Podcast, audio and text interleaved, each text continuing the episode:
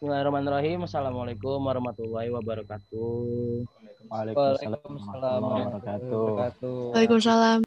Alhamdulillahirabbil alamin. Wassalatu wassalamu ala asrofi an israfil anbiya wal mursalin wa ala alihi washabihi ajmain. Ba'du.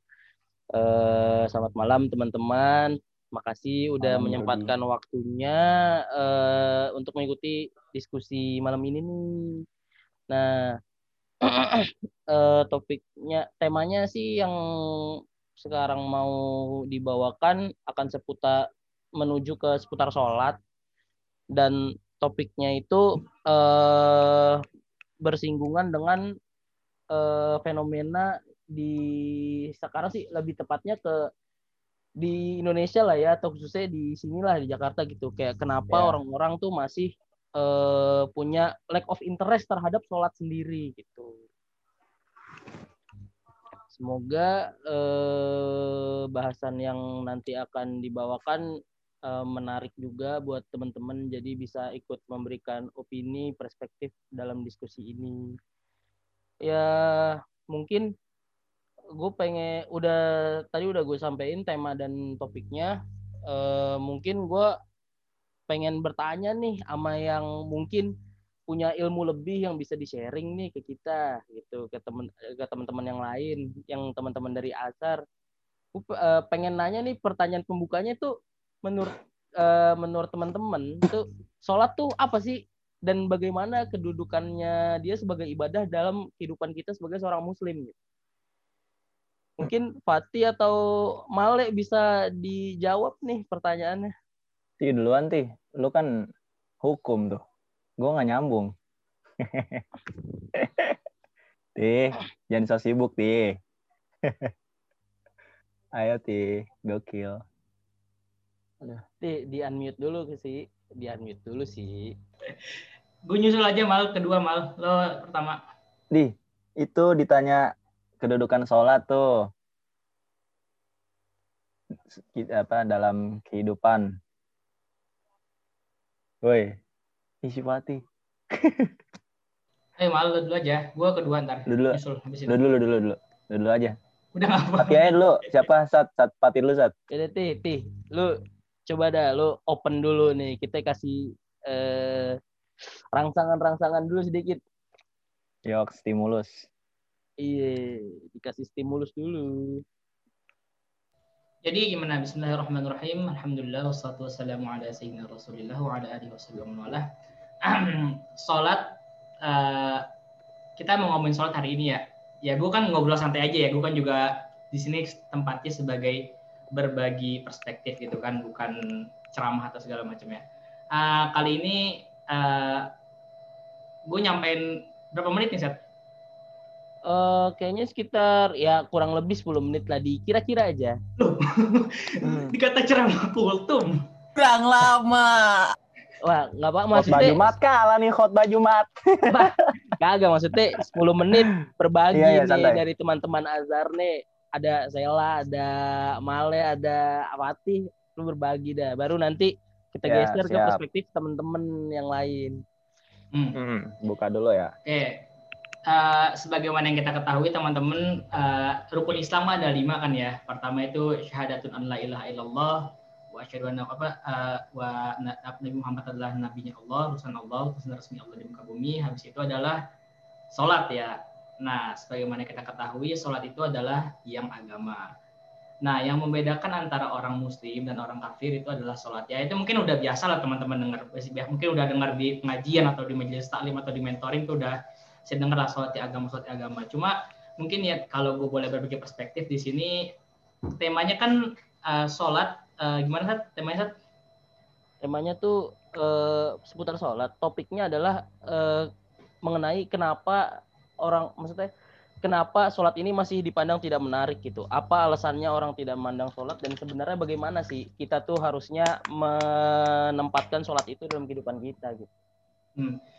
Kalau orang memandang sholat, pastinya kan sebagai muslim kalau misalnya sudah menyatakan keberagamaannya, menyatakan untuk menjadi seorang muslim, tentunya kan bukan hanya sekedar syahadat aja lah, pasti adanya adanya sholat, zakat dan segala macam. Nah, yang menjadi membedakan kita antara kita dengan orang kafir adalah sholat itu bentuk teknis peribadatan kita kepada Allah Subhanahu Wa Taala yaitu ya sebagaimana kita ketahui lah apa namanya ada sholat yang diwajibkan adalah sholat lima waktu. Nah kalau teman-teman uh, boleh uh, mendengarkan pendapat saya, uh, sholat itu gimana ya? Kok gue jadi bingung kan saat gue jadi kayak ceramah ini.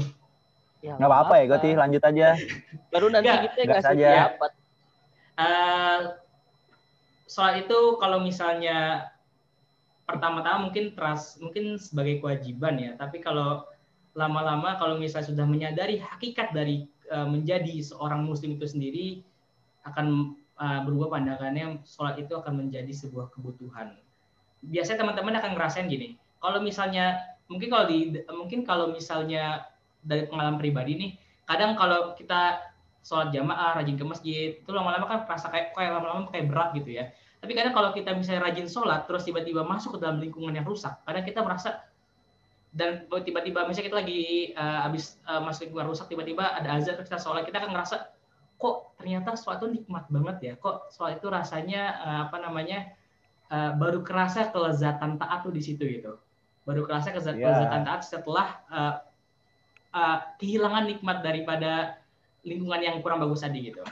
Itu aja sih dari gue. Gue nggak mau panjang-panjang saat biar teman-teman yang lain ini oh. nyamber juga. Oke sih, mantap sih. Jadi Saka mungkin bisa dibilang kadang kalau misalnya kita emang udah di lingkungan yang taat, sholat tuh jadi seakan-akan taken for taken for apa taken for granted gitulah. Jadi kayak hmm, kita mau kebangga. Eh, nggak nggak nggak ngerasain gitu intisarinya sholat tuh apa gitu. Karena emang lingkungan kita udah bagus lah ya. Mungkin male mal kalau lo hilang mal gue baru mau nanya lu mal. Hmm. yoks kalem. Nah kalau menurut lu gimana nih dari perspektif ya. sebagai muslim jadi, lah mungkin iya jadi ini penting banget sih sholat ya salah kenangan kita paling indah di dunia sebagai hamba itu ketika kita sujud pokoknya itu indah banget pokoknya uh, apa identitas kita sebagai hamba itu ketika kita ya bersujud itu tadi benar kata Fatih yang membedakan kita dengan orang non muslim itu ketika kita sujud nyembah Allah gitu. Jadi status sholat dalam kehidupan kita itu sangat sangat sangat penting ya. Uh, kita apa mulai dari definisi sholat dulu lah gitu kan. Sholat itu apa sih gitu kan? Sholat itu kan gimana sih secara fikih sih? Sholat sih ibadah ya ibadah kepada Allah gitu kan dengan apa gerakan-gerakan dan perkataan-perkataan tertentu gitu. Dimulai dengan takbiratul ihram dan diakhiri dengan salam. Salat juga punya rukun-rukun gitu kan. Rukun salat ada berapa sih? 18 ya? Ya, 18 ya? Kayak, kok suara lu nggak ada sih? Di 18 atau 14? 18 atau 14? Tadi gue habis baca sih di Matan, tapi di Matan. Iya, pokoknya kalau nggak salah matan Fatul Qorib, uh, matan apa Habis uh, sama Sevina tuh udah beda satu dua rukun. Oh gitu. Ya. Iya. Gue lupa juga 18 atau 14 itu. Oh, ya udah, gue sebutin kalau kalau keliru tolong di ini ya apa namanya tolong di apa dikoreksi tuh. Ya, jadi uh, pertama tuh niat ya Tia. Ya pokoknya ya. rukun sholat ada 18 ya. Ini rukun nih. Jadi rukun itu kalau kita nggak lakuin satu itu batal sholat kita. Hmm. Kagak sah kagak sah. Jadi 18 rukun ini harus dilaksanain. Pertama itu ada apa namanya? niat gitu kan. Terus takbiratul ihram. Terus apa lagi ya? Baca surat Fatihah. Terus ruku, ada tumak ninahnya. Iktidal, pakai tumak ninah. Tumak ninah tuh inilah pelan-pelan gitu. Terus sujud. Terus ada apa namanya? duduk di antara hmm. dua sujud. Terus eh, apa namanya? tasyahud. Terus tasyahud akhir ya terus apa namanya ada lagi yang namanya solawat gitu solawat pada nabi di akhir terus, terus tartib gitu iya terus salam tartib dan harus tartib nah status sholat dalam kehidupan kita tadi kan gue bilang sangat-sangat penting ya nah jadi memang itu identitas kita sebagai hamba selama di dunia gitu kenangan terindah kita sebagai hamba di dunia itu ketika kita bisa sholat gitu tadi apa itu permasalahannya apa Sat tadi coba boleh diulang permasalahannya? Permasalahannya uh, itu sekarang banyak banyak masih banyak yang kita temuin tuh bahwa kayak uh, kurang memiliki ketertarikan gitu loh terhadap sholat. Oh iya, iya. Jadi kita juga perlu tahu ya yang namanya sholat itu. Uh, jadi kalau kata Syekh Mutawali nih ya, tadi gue habis dengerin ceramah beliau tentang sholat. Kan tadi Pati udah jelasin tuh ya rukun Islam tuh ya. Rukun Islam tuh ada lima. Nah, uh, jadi sholat itu, eh jadi kita ini adalah uh, hamba Allah ya, hamba Allah yang ya kalau di analogikan tuh kita nih kayak ya apa namanya mesin lah mesin gitu Suna, sinaatullah mesinnya apa mesin-mesin ciptaan Allah lah pokoknya jadi Allah itu ngebenerin mesin-mesinnya gitu kan ngebenerin mahakaryanya itu lima waktu dalam sehari yaitu sholat gitu. Jadi bagaimana kita uh, bisa menghilangkan kesedihan kita terus meningkatkan semangat dan kebahagiaan dalam diri kita itu dengan sholat gitu. Kalau kita perhatiin nih rukun Islam itu kan ada lima ya. Pertama syahadat sholat, puasa, zakat, haji. Nih, jadi kalau kita perhatiin lagi nih uh, rukun Islam ini itu uh, bakalan kita temuin betapa pentingnya sholat. Uh, sekarang gue mau tanya nih, syahadat berapa kali dalam, dalam seumur hidup nih? Kita untuk menjadi Islam syahadat berapa kali? Sekali doang kan? Ya, sekali kan kita syahadat. Kalau kita ada syahadat nih, ya udah kita jadi Islam gitu. Setelah itu nggak syahadat-syahadat lagi, ya nggak apa-apa gitu kan. Nah, sementara sholat, sholat ini adalah rukun asasi lah, rukun Islam yang paling uh, apa yang paling inti dari segala inti rukun Islam gitu. Karena kalau kita lihat sholat, ya, eh kalau kalau kita lihat uh, tadi syahadat cuma sekali, ya setelah itu ya udah nggak usah syahadat lagi. Terus kalau kita lihat zakat, ya orang mampu zakat nggak? Kagak, ya kan? Orang mampu, eh orang sorry orang nggak mampu, orang nggak mampu zakat nggak? Nggak nggak nggak zakat kan? Nah, terus hmm. ada lagi puasa. Orang sakit puasa nggak? Kagak. Nenek-nenek yang udah kagak kuat nggak puasa juga. Terus yang terakhir haji. Haji juga. Orang kalau kagak mampu, kagak mengapa nggak haji kan? Sedangkan tidak, sedangkan sholat nih, apa pun yang terjadi kita harus sholat gitu. Entah kita, kalau kita nggak bisa sholat secara berdiri, ya udah kita duduk. Kalau kita nggak bisa duduk, ya udah tiduran gitu. Kalau melek sambil melek tiduran nggak bisa, ya udah sholat dalam hati gitu. Itu betapa pentingnya sholat gitu. Dan di dalam sholat ini ya, di dalam sholat ini itu terdapat lima rukun Islam. Nah, jadi setelah tadi kita apa membahas bahwa rukun Islam yang paling inti itu sholat, dan ternyata di dalam sholat ini ada lima, lima rukun Islam apa empat rukun Islam sisa. Ya, coba syahadat ada nggak dalam sholat? Ada. Ada kan? Nah, ada. kapan kita baca syahadat? Pas tahiyat kan? Iya. Yeah. Nah, berarti berarti syahadat ada. Yang ke yang di, setelah itu kan sholat terus puasa. Puasa ada nggak dalam? Eh zakat, zakat, zakat ada nggak dalam sholat? Barangkali ada yang tahu boleh ngejelasin nggak apa-apa. Zakat ada nggak dalam sholat? Lanjut aja. Oke, okay, gue jelasin. Ya, jadi uh, zakat itu pengertian zakat itu uh, kita mengeluarkan uh, mal gitu kan, harta kita kepada orang yang membutuhkan. Ya, terus kita fokus nih di definisi harta. Harta itu apa sih artinya? Farol amal, bagian dari pekerjaan. Jadi harta itu kita dapetin kalau kita kerja kan umumnya gitu kan secara Islam tuh uh, dalam Islam Syekh Mutawali itu menjelaskan harta itu uh, apa farol amal bagian dari pekerjaan ya. Nah pekerjaan itu apa? Gitu kan. Pekerjaan itu farol waktu gitu. Bagian dari waktu. Karena kalau kita bekerja itu kita pasti menghabiskan waktu gitu. Nah sholat ini sholat ini kita memberikan sebagian waktu kita gitu. Jadi seolah-olah kita sudah berzakat. Oke dapat nggak? Ya pokoknya zakat itu ada di dalam sholat ya. Ada di dalam sholat. Tuh zakat selesai kan. Puasa. Nah, puasa nih. Puasa apa sih makna puasa? Puasa itu kan menahan kan. Menahan diri dari segala nafsu. Mulai dari terbit fajar sampai terbenam matahari gitu. Sementara kita kalau sholat nih, boro-boro kita mau zina gitu. Boro-boro kita mau apa? Mau mau makan gitu. Kita ngomong aja batal gitu. Nah di situ udah dapet tuh definisi puasa di dalam sholat itu udah dapat kita. Berarti puasa ada di dalam sholat. Terakhir haji. Ya haji. Haji apa sih gitu kan? Kita kan haji itu kan yang ngadep Ka'bah gitu. Ya enggak? Kita menghadirkan diri kita nih sholat terus menghadap ke Ka'bah gitu kan, menghadap barat yang di mana di barat itu ada Ka'bah. Nah, sholat kan kayak gitu juga. Nah, jadi dari sini itu betapa pentingnya sholat dalam kehidupan kita. Sehingga dalam rukun Islam pun, e, kalau kita teliti secara mendalam gitu melalui penjelasan-penjelasan para ulama itu sholat itu sangat-sangat penting. Dan kalau boleh ngejawab tentang tadi kenapa sih orang-orang kayak masih kurang tertarik gitu buat sholat ya?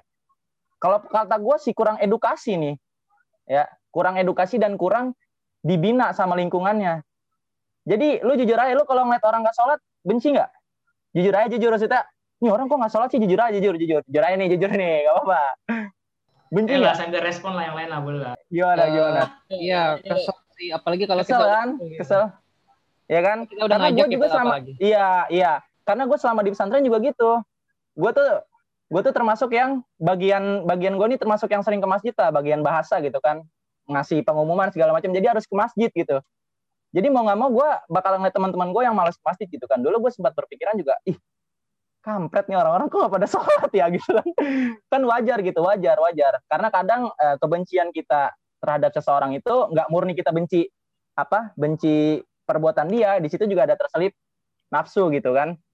Nah dari situ apa kalau kita kurang membina orang-orang yang kayak gitu itu nanti bakalan mereka tuh dirangkul sama orang-orang yang lebih asik gitu. Jadi kalau kata gue eh, kenapa orang-orang belum suka dengan sholat itu karena tadi edukasi yang kurang. Dari eh, mungkin edukasi dari keluarganya mungkin atau dari lingkungannya yang nggak mengajak dia buat eh, apa menikmati keindahan sholat yang sebagaimana tadi Fatih jelasin gitu. Jadi kalau saran gua kalau ngeliat orang-orang yang kurang yang nakal lah gitu, yang nakal, yang terutama yang nggak sholat ya, jangan dijustifikasi wah ini orang nggak beriman nih sama Allah gitu kan. Tadi kan kita jelas ya rukun Islam itu, sholat itu rukun Islam bukan rukun iman. Jadi dia mau sholat nggak sholat dia tetap mukmin gitu. Maksudnya dia tetap percaya nih sama Allah. Karena pada zaman Sayyidina uh, Umar itu sahabat ada yang nanya iseng. Jadi ini lagi bagi-bagiin ini nih apa harta harta rampasan perang kan? Ada yang nanya, e, wahai e, Khalifah, ini orang-orang fasik, orang-orang fasik dapat jatah nggak nih gitu? Orang-orang fasik tuh pokoknya dia Islam tapi banyak maksiatnya lah fasik tuh. Istilah fasik tuh khuruj min taatillah. Berarti kan dia banyak maksiat gitu kan? Ada yang nanya. Jadi apa sahabat ada yang nanya ke Khalifah, ini orang-orang fasik dapat harta rampasan nggak nih? Eh, kata Sayyidina Umar dapat gitu, tetap dapat gitu. Terus ditanya kenapa? Kan nih orang-orang rese doang hidupnya gitu, nggak pernah nggak ikut perang gitu kan, misalnya cuman maksiat doang. Pokoknya inilah rese lah gitu. Terus kata Sayyidina Umar gini, nggak apa-apa, kasih aja gitu. Karena secara tidak langsung mereka itu berkontribusi dalam segi kuantitas gitu. Nah, jadi dari situ kita bisa ambil kesimpulan bahwa orang yang nggak sholat pun itu kita harus tetap bina. Karena kita harus ingat kaidah al-insanu abdul ihsan. Manusia itu budaknya kebaikan. Jadi kalau kita lihat, jadi kalau kita pengen seseorang itu apa jadi baik, kita baikin dulu. Sebagaimana Sayyidina Umar membaiki orang-orang yang nggak sholat juga gitu, dapat jatah perang supaya mereka nih bisa bisa enak gitu, bisa dapat gitu ikatannya sama kita. Nanti pelan-pelan kita nasihatin gitu. Oke, mantep Gitu. Ingat eh, Ini mungkin ke manusia itu orang yang nggak sholat nanti ini kita batasin dulu nih. Nanti ada pembahasannya buat orang-orang Iya iya. Iya iya, pokoknya kayak gitu. Al al insanu abdul ihsan ya. Tuh apa manusia itu eh, budaknya orang eh budaknya kebaikan. Jadi kita harus deketin pepet terus orang yang sholatnya tuh masih bolong-bolong kayak gitu. Mantep tuh nih buat temen-temen yang masih sholatnya suka males atau diajak ke masjid bilang eh sholat yuk eh nitip dong nitip nah tuh jangan kita jauhin tuh kita kasih edukasi nah mungkin di Iya. di per- mungkin kita ada per- di pertanyaan yang sama lah ya mengenai mungkin kedudukan sholat atau bagaimana kita sebagai muslim tuh menempatkan sholat lah dalam kehidupan sehari-hari mungkin eh, kita mau nanya nih perspektif teman kita yang dari teman-teman kita yang perempuan nih mungkin dari Humairo ada pendapat nggak? Bisa sharing gitu perspektifnya ilmunya ke kita kita. Ada nggak nih? Ayo gimana Brody Brody? mungkin eh, Humairo atau Sheila bisa ngasih insight lah nih buat kita kita nih. Kan tadi lebih ke arah ilmunya gitu. Mungkin eh, Hmm. kalau misalnya mu- eh, mungkin kalau misalnya perempuan ada dari sisi lain gitu perspektif lain gitu mengenai mungkin boleh dari tuh. ada perasaan tertentu saat kita sholat atau bagaimana? Mungkin bisa di-share teman-teman. Sela ada nggak? Atau Humairo?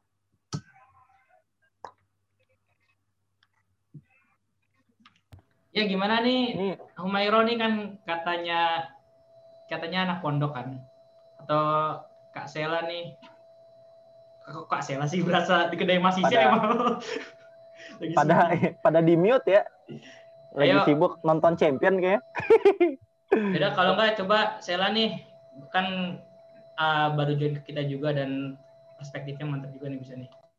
Ya Sel, gimana Sel? Jangan malu-malu Sel, keluarin aja kalau ngomong mah. Eh, Santai aja sih kayaknya di sini. Santuy aja, orang di sini anak SMA Baik. semua kok.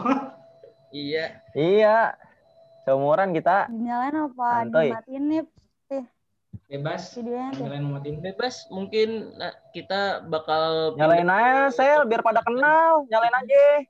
Gak apa-apa. santai aja. sumpah deg-degan Ini kenalan dulu kali Sel uh, sama teman-teman nih. Iya Sel, biar pada kenal. Perspektif Oh, cewek. ya bentar-bentar Eh, jangan dandan dulu Sel. takut Ntar apaan lama. sih udah ya Assalamualaikum warahmatullahi wabarakatuh Salam. Waalaikumsalam Ih, malu banget nih sumpah kenalin Santai, nama Sel. nama Gua lu kenalan aja. aja ya Gua lu aja di sini. Iya Sel, kenal lu Sel. San. kenalin nama diem diri diem dulu ya Salah Sri Hayatul Atusia, asalnya dari Cirebon. Eh, SMA-nya SMA IT, Nur Sidikot di Cirebon. Univnya sama kayak Fatih, kayak Akmal. Jurusannya syariah. Terus sekarang mau ja mau ngasih pendapat tentang apa tadi tentang pentingnya sholat ya? Ya. Apa gimana sih? Eh, tentang kedudukan sholat di hidup kita lah sebagai muslim dan juga sebenarnya kita tuh bagaimana sih menempatkan sholat gitu. Pendapat aja ini mah ya. Boleh. Iya. pendapat saya kalau misalkan tentang sholat ya, sholat itu kan artinya doa. Jadi kita sebagai manusia, kan ini kita tuh makhluk yang Allah ciptain gitu kan. Nah, kita tuh sebagai manusia harus minta doa sama Allah. Pokoknya intinya meminta. Karena kalau kita nggak meminta sama Allah, itu kita dianggap sombong. Jadi Hmm. ya kita setiap hari itu harus selalu minta sama Allah walaupun iya misalkan takdir itu udah ditentuin semuanya sama Allah tapi kalau misalkan kita nggak minta nggak mungkin itu jadi milik kita gitu jadi intinya Hmm. kita harus minta sebagai tanda kalau kita tuh hamba Allah yang itu artinya tuh rendah di mata Allah gitu. Karena Allah itu adalah Allah Akbar Allah Maha Besar. Jadi kita itu di hadapan Allah itu kecil. Kalau kita nggak sholat itu tandanya kita sombong kan sama Allah. Gitu. Dan terus kalau misalkan penting sholat dalam kehidupan kita ya. Kalau misalkan sholat kita tuh sholat. Nah itu tuh bakal kembali lagi gitu loh ke diri kita. Jadi segala perbuatan yang kita lakukan itu pasti akan kembali lagi ke kita kalau misalkan kita sholatnya rajin itu pasti akan kembali lagi ke kita. Entah itu kita dikasih hati yang tentram kehidupan yang bahagia. Ya pokoknya jauh dari kesengsaraan deh. Itu karena bisa jadi karena sholat kita rajin sholat apa sholat kita khusyuk gitu. terus apa lagi ya? Eh Gimana uh, Bro moderator Satria kira-kira? Eh, mantap sih. Mantap banget sih ini eh, perspektifnya. Ya bener juga karena eh kalau misalnya kita cuman berpikir bahwa gimana ya, eh, ini kita pasti dapat rezeki, tapi nggak minta gitu. Ya Hmm. sama aja bohong gitu. Hmm. Kan, Iya, Eh, iya. hubungan antara Allah sama kita kan bukan kayak bos sama karyawan. iya, Hmm. tapi Tuhan sama hamba ya. Asik. Iya. Iya. Betul. Gila. Udah Udah bisa ya Tuhan ya. hamba, gokil. Tinggi banget, udah tinggi Fatih. Eh Pak Hati Iya. Sela. Fatih juga sih. Ya. Jadi tadi kita tuh. udah Ah, udah buka nih mengenai kepentingan sholat, kedudukan sholat, dan bagaimana kita menempatkan sholat lah dalam kehidupan kita sehari-hari sebagai muslim. Nah, di sini eh, gua sendiri pribadi mungkin atau mungkin mungkin saja mewakilkan beberapa teman-teman gua itu eh, ada beberapa pertanyaan-pertanyaan kritis nan liar yang ingin ditanyakan kepada teman-teman gitu eh, perspektifnya bagaimana dan mungkin secara hukumnya bagaimana gitu bisa dibahas. Nah, itu pertanyaan pertama adalah sebenarnya kita sholat ini boleh dengan alasan nggak sih? Apa benar-benar sholat harus ya karena sholat aja gitu? Karena kita emang disuruh sholat ya sholat aja gitu. Tapi sebe- atau kita sebenarnya sholat itu eh, boleh gitu beralasan. Gue sholat karena mau ini, gue sholat karena mau itu menurut teman-teman yang lain gimana nih kira-kira eh, perspektifnya? Mungkin ada Mungkin- pengalaman pribadi kali gitu. Ada yang punya pengalaman pribadi gitu. Kita eh, balik lagi, balik dulu nih kita Tuh coba aku. yang lain. Nah, Kaila ngomong Kai. Ada apa Kai? Kira-kira Kai menurut lu perspektif lu? Nih, gue gue mau ngasih ini aja deh. Kalau menurut gue ya, kita maksudnya gue ngebalikin ini kayak ke sholat istiqoroh ya salah satunya. Bentar.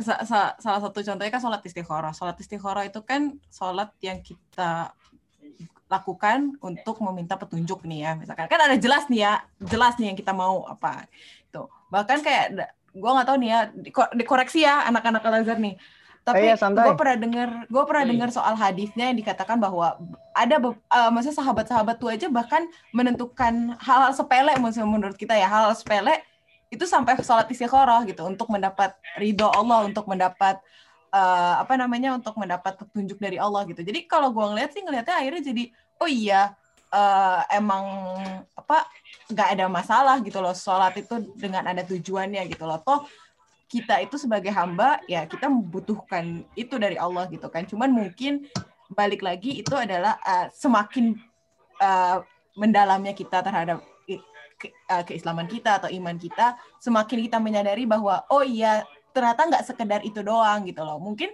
awalnya dari yang sholat ya udah sholat sekedar sholat karena disuruh misalkan atau sholat sekedar ya karena itu wajib gitu. Lama-lama kita yang menyadari sendiri. Kalau gue sih dari perspektif gue seperti itu Oke. Hmm, bagus, bagus. Gue setuju sih kalau menurut gue. Soalnya kan kalau di Al-Quran sendiri kan gimana mal bunyi mal ayatnya mal wasta'inu bis sabri was salah. Oh iya. Gimana tuh mal artinya mal anak anak Wa lu gue nih. Oh, eh lo bisa sebenarnya ini mah. Ya udah kan saling membantu. Iya. Iya, apa meminta tolonglah dengan sabar dan sholat gitu. Kita harus Hmm. meminta tolong sama Allah melalui perantara sabar dan sholat. Dan itu juga yang dilakukan oleh para masyayikh kita di Azhar kalau misalnya ada apa-apa, sholat istikharah atau misalnya sholat hajat atau mungkin sholat eh, apa namanya yang macam-macam lah. Jadi eh, benar-benar jadikan sabar dan sholat sebagai penolong gitu. Oke, mantap. Mungkin teman-teman yang lain ada yang mau berpendapat nih. Kodli dah, Kodli. Nih, baru banget nih Kodli nih. Tumben-tumbenan ada nih. Menurut lo gimana nih, Kod? Sholat tuh boleh nggak sih beralasan atau kita sholat emang harus udah lillahi ta'ala emang karena ibadah gitu? Menurut lo nih, Lu Kod? tanya, lu tanya ke gue, Set. Gue gak, gue gak terlalu ahli lah dibandingkan Fatih dan lo kawan-kawan Azhar lainnya. kirain salah karenanya lo karena lo nggak pernah sholat. Salah. Wih. Aduh, Bukan, salah. Parah, parah. Jadi, Parah banget. Gue gue gue bisa berpendapat lah, Set. Nanti tunggu Gimana, teman-teman? Azhar yang lainnya. Boleh kita dengar nih. eh nggak apa-apa dari menurut lo aja. Eh, menurut pendapat pribadi gue, ya lo ibadah gitu, ya menurut gue boleh-boleh aja sih. Kalau dengan suatu alasan dan lain sebagainya kayak gitu. Wah, nggak gitu, bisa dieksplor ya bahasanya itulah ya. pendapat gue. gue Jawabannya nggak bisa dieksplor ya. Malah gue pengen nanya ntar saat ya kayak Eh silakan. Eh, gue boleh, gue boleh ngasih ini nggak? Eh, tapi Abul belum belum ngomong tuh Abul tuh. Apa mau nambahin tuh? Bul, Eh, gimana siapa, Bul? Abul nih. Oh, tadi pertanyaan eh, sholat tuh boleh ada eh apa? Boleh ada harus ada paksaan atau enggak gitu atau gimana tadi sorry? Ya maksudnya sholat nih lu bener-bener harus kayak ikhlas gitu emang karena gue emang Oh. sebagai muslim hamba Ah. Allah tuh harus sholat atau sebenarnya eh, lu tuh ala- eh, punya sholat tuh punya alasan boleh aja gitu kayak gue sholat ah karena gue mau masuk PTN gitu gue mau sholat ah lulus tiga setengah tahun gitu Oh ini ini ini gue mau jawab hmm, berdasarkan mungkin campuran dari gue dari tadi yang dikatakan Sela sama video YouTube yang sebelum-sebelumnya dikasih sama Fatih di grup. Uh, kan uh, tadi itu kata Kayla juga. Ya kata Kayla ya tadi. Uh, ada sholat istikharah ya kan? Itu kan uh, spesifik lah ya gitu kayak apa yang kita inginkan. Uh, maksud gue uh, kalau sholat tuh ya nggak apa-apa. Ada ada suatu apa uh, niatan tertentu gitu kan. Uh, terus andai pun enggak kan kita harus sholat wajib ya gitu. ya ya kan lima waktu Nah, menurut gue pun uh, kadang kita sebagai manusia nih ya, uh, menurut gue tuh kadang kita nggak uh, nggak tahu sebenarnya apa um, kita tuh sebenarnya dalam masalah nggak sih atau enggak gitu. Mungkin kita ngerasa uh, enak-enak aja gitu. Ternyata sebenarnya kita um, sedang diuji gitu misalkan. Uh, nah terus dengan kita sholat kan tadi kan kalau kata saya kan itu kita doa ya. Berarti dengan kita doa tuh berarti kita memohon kepada Allah agar diberikan yang baik-baik gitu. Secara takdir mual ya kan? Itu betul sholat asal katanya dari doa belum betul. Mm -mm. jadi ya boleh nggak apa-apa. Tapi nggak pun menurut gue kita kan udah sholat gitu sholat lima waktu gitu Eh, gimana, kan kalau Hmm. kalau Gimana? apa sholat yang kayak istiqoroh itu kan spesifik ya kalau sholat lima waktu ya wajib gitu Nah iya bu, kalau menurut lu nih bu, misalnya nih ini, ini kalau sholat lima waktu gitu, Mm-mm. ya Hmm. kan alasannya karena itu kewajiban dong Iya. harusnya. Nah tapi kalau misalnya kita sholat lima waktu pun ada alasannya, menurut lu bo- boleh atau tidak gitu?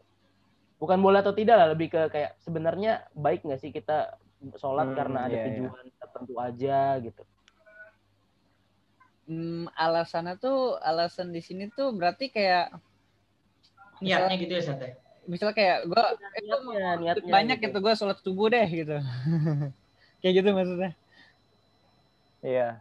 Enggak, Bisa jadi, ya bisa jadi. niatnya lah mungkin misalnya ya kayak gitu. Misalnya kayak, aduh udah mau UN, gue mulai rajin sholat ah gitu.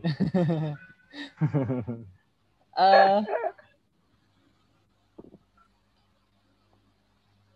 untuk untuk sholat wajib sih ya. Untuk sholat wajib menurut gua enggak sih. Cuman kalau untuk sholat sholat eh, sunnah kayak istihoroh itu ya nggak apa-apa. Cuman kalau bisa kita sebagai muslim tuh terus ditingkatkan gitu. Nggak nggak nggak ya cuman misalkan ya cuman ada cuman butuh ketika ketika kita ngerasa butuh aja gitu. Cuman kita ngelakuin ketika butuh gitu lah kita ngelakuin sholat cuman ketika kita butuh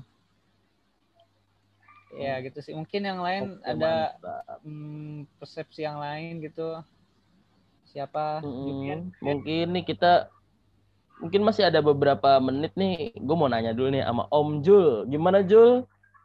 Tapi gue nanya dulu nih, mik lo gimana? Apa lu masih perlu ngegas dulu apa enggak? Kedengeran nggak? Wah, udah keluar, udah kedengeran suaranya. Mantap. Gimana Jul? Menurut lo Jul? Ya, kalau gue sih nangkepnya sebenarnya ada ada dua ada dua konteks sih yang gue tangkap dari pertanyaan gue saat pertama kan wajib nah pertama wajibnya itu ketika eh, dia rajin sholat ketika di waktu-waktu tertentu gitu maksudnya ketika dia butuh aja gitu nah rajin sholatnya rajin sholat lima waktunya itu di waktu-waktu tertentu itu nah yang kedua yaitu tadi eh, apa ya yang tentang sunnah-sunnah itu yang tadi kayak istiqoroh dan sebagainya. Tapi menurut gue pribadi ya, kalau alasan kita sholat karena uh, ada kemauan, uh, tergantung tingkatan sih kalau gue pribadi ya. Kan ada orang yang baru berproses, ada orang yang emang secara uh, kebiasaan udah terbiasa gitu ya, menjadikan sholat tuh uh, kebiasaan. Nah, untuk orang yang berproses, menurut gue uh, sah-sah aja sih, boleh-boleh aja, ya kan apalagi uh, kalau misalkan hal itu dijadikan buat motivasi gitu loh. Kayak misalkan kita kan kalau mau atau mau istiqomah ya, atau mau jadi sebuah kebiasaan kan harus terlatih gitu, ya, harus dilatih gitu, Uh, harus terus diulang gitu kan. Nah ketika ada suatu momentum gitu misalkan kayak tadi mau UN, jadi kita buat rajin sholat itu sebenarnya bisa jadi kunci gitu buat dia uh, mungkin oh ternyata dengan gue sholat Allah mengabulkan doa gue gitu. Oh berarti gue harus rajin sholat gitu. Jadi momentum gitu kan ya. Jadi momentum. Nah itu kan tingkatan ya bahasanya uh, orang yang benar-benar baru gitu baru berproses untuk mengenal sholat itu sendiri. Nah tapi lain halnya ketika uh, orang yang emang udah apa ya emang udah menjadikan sholat itu kebiasaan gitu. Pasti secara nggak langsung niatnya itu uh, udah pasti lillahi ta'ala. Nah, terus terkait juga walaupun dia udah saya udah udah terbiasa ya, motivasi sih perlu sih menurut gue. Soalnya kan uh, nanti sebenarnya bisa jadi pertanyaan lagi nih. Uh, kenapa walaupun udah udah sholat itu udah sering kita lakukan tapi sulit untuk di sebuah kebiasaan gitu. itu nanti bisa jadi pertanyaan lagi tuh. Nah, itu sih. Jadi dengan motivasi atau niat yang berbeda dengan intinya ya tetap karena Allah cuman motivasi yang menggerakkan kita untuk sholatnya itu uh, itu sih intinya Oh, mudah mantap, maksudnya bet, mantap bet Jul. Makasih bet nih buat perspektifnya. Nih kita eh, kedatangan teman baru nih.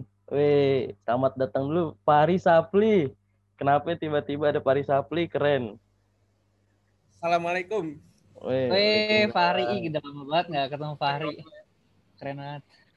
Oke, Oke. teman-teman, mungkin ada yang eh, baru nama beberapa nama juga aku baru lihat.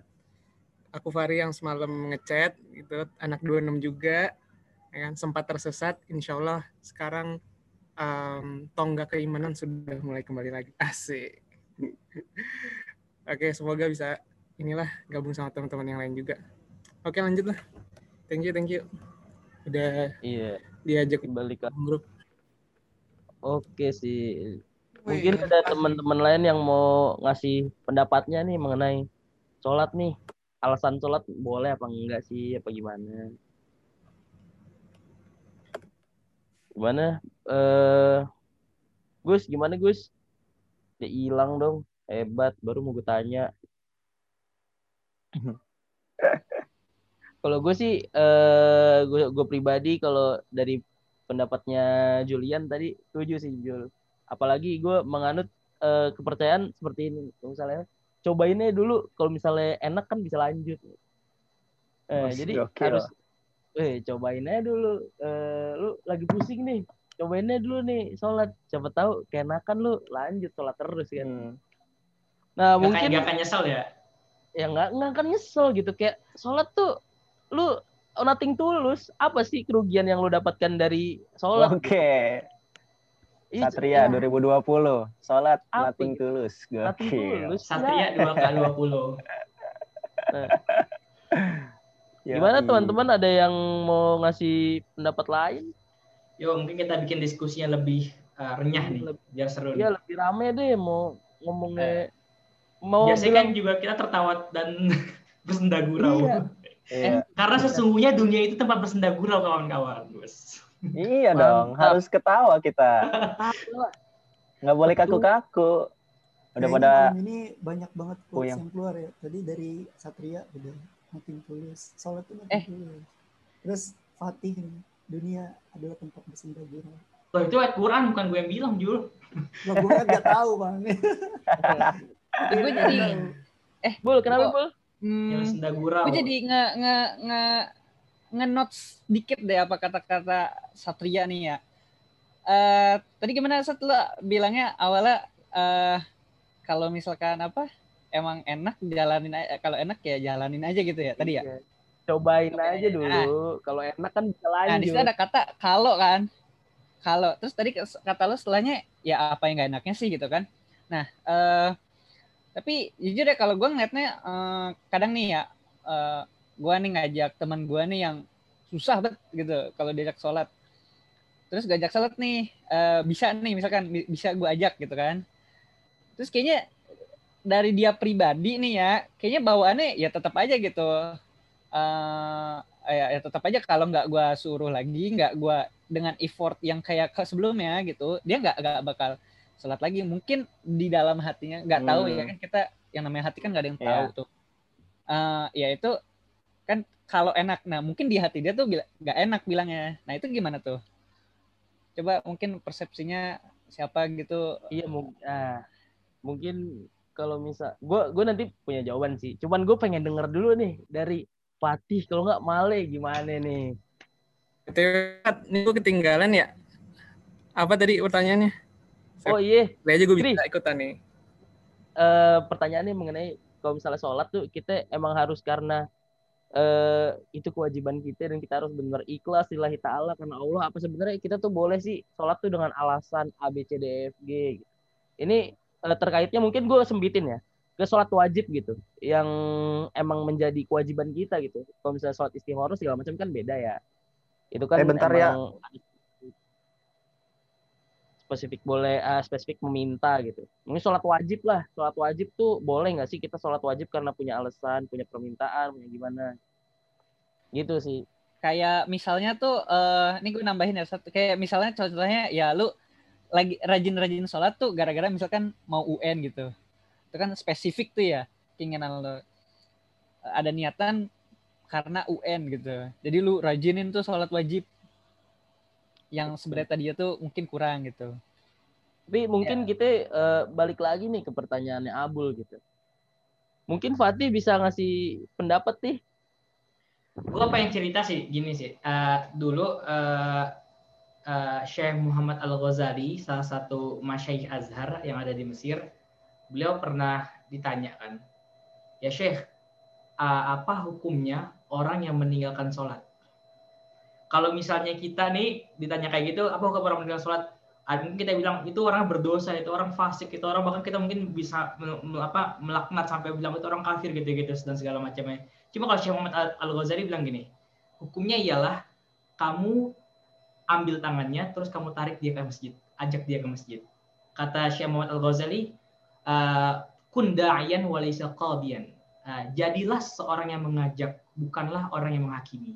Gitu kata Syekh Muhammad Al-Ghazali.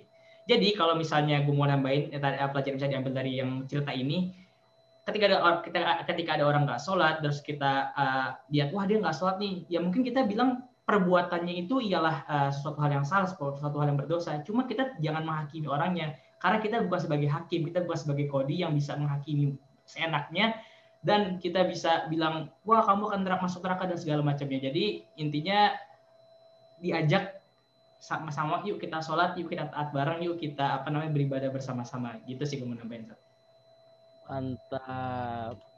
Ini mungkin kalau misalnya gue boleh berpendapat nih dan tolong juga teman-teman koreksi yang lain mengenai tadi tuh Bul. Temen lu lu ajakin sholat nih, tapi eh, mau tapi nanti lu ada ketakutan bukan ketakutan lah.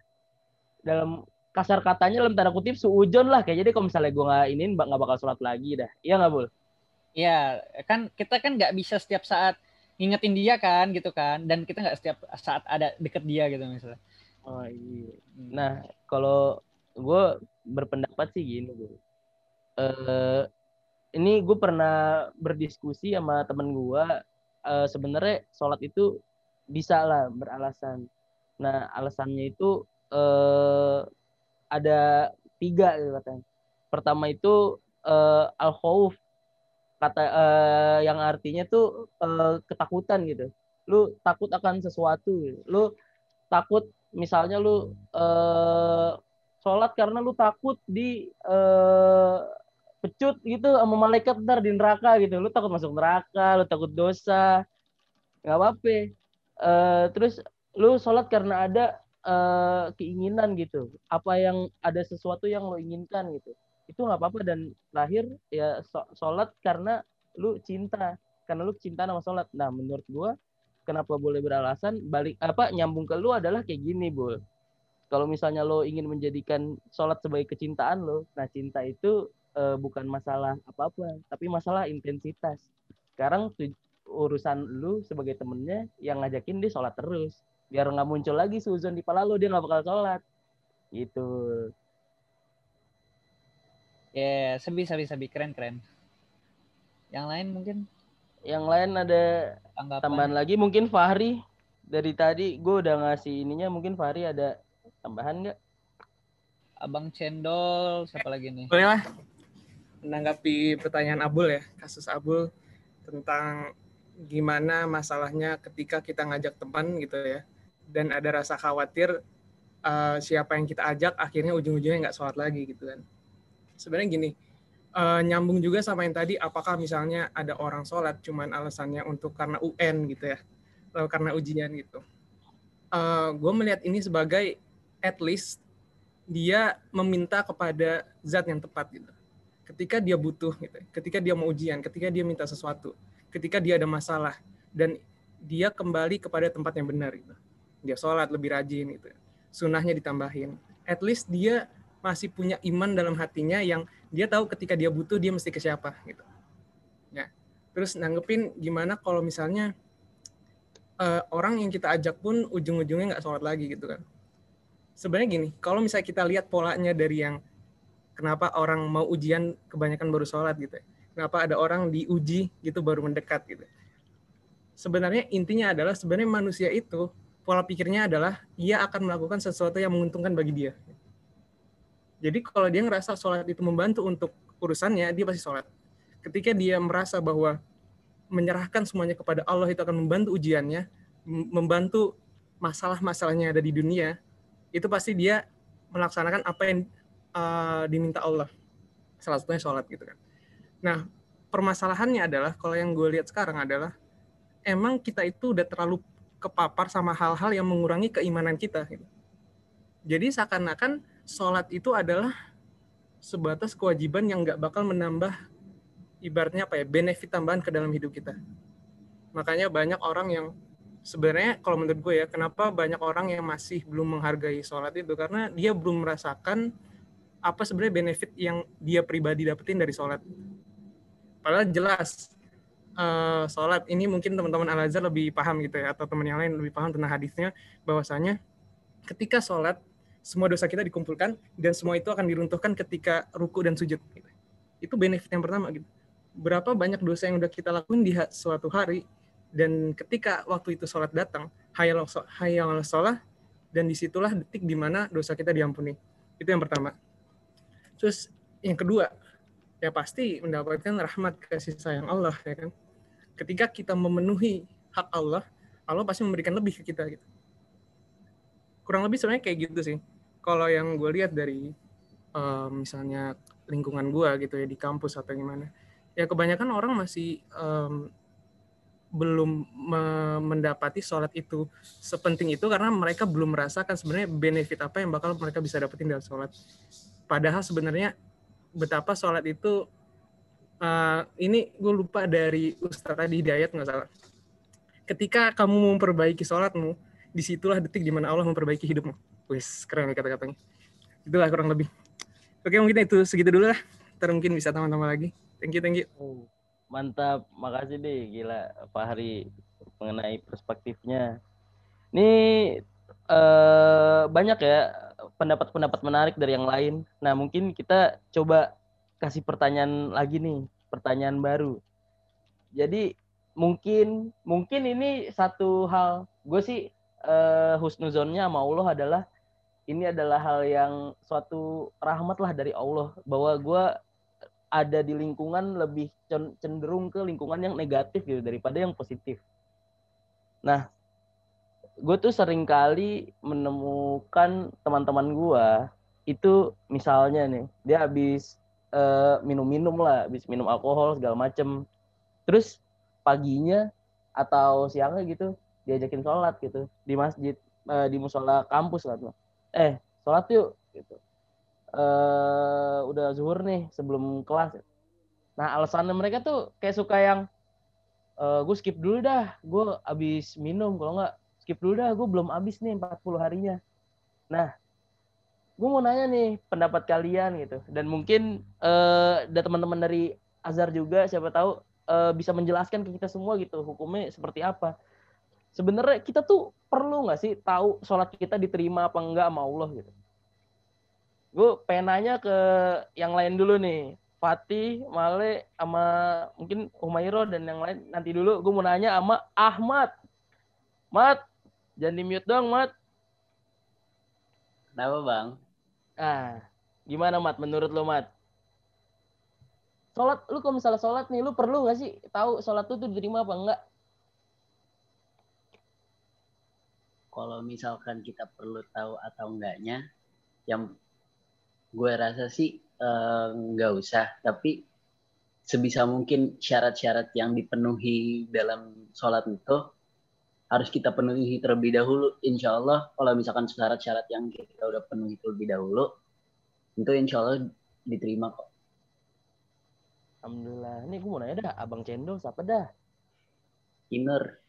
Nur, ah Kinur. Kinur lu dengerin gak dari tadi Nur? Gue mau nanya sama lo dah Nur. Biasa lagi masukin motor ya.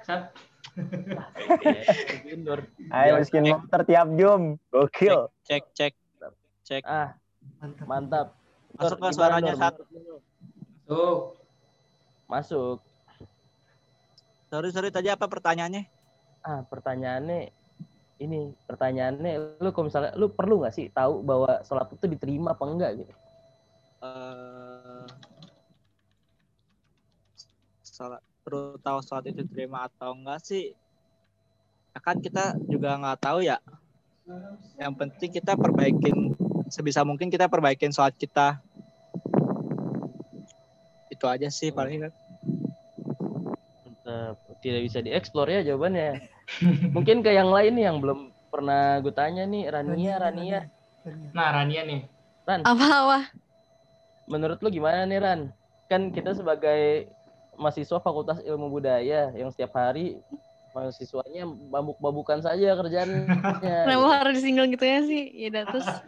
Ya Stereotip itu. tau, Kadang- itu gue juga kadang tuh teman-teman kalau disuruh sholat begitu ada alasannya kayak ah gue nggak mau sholat ah gue ngapain sih sholat? Gitu.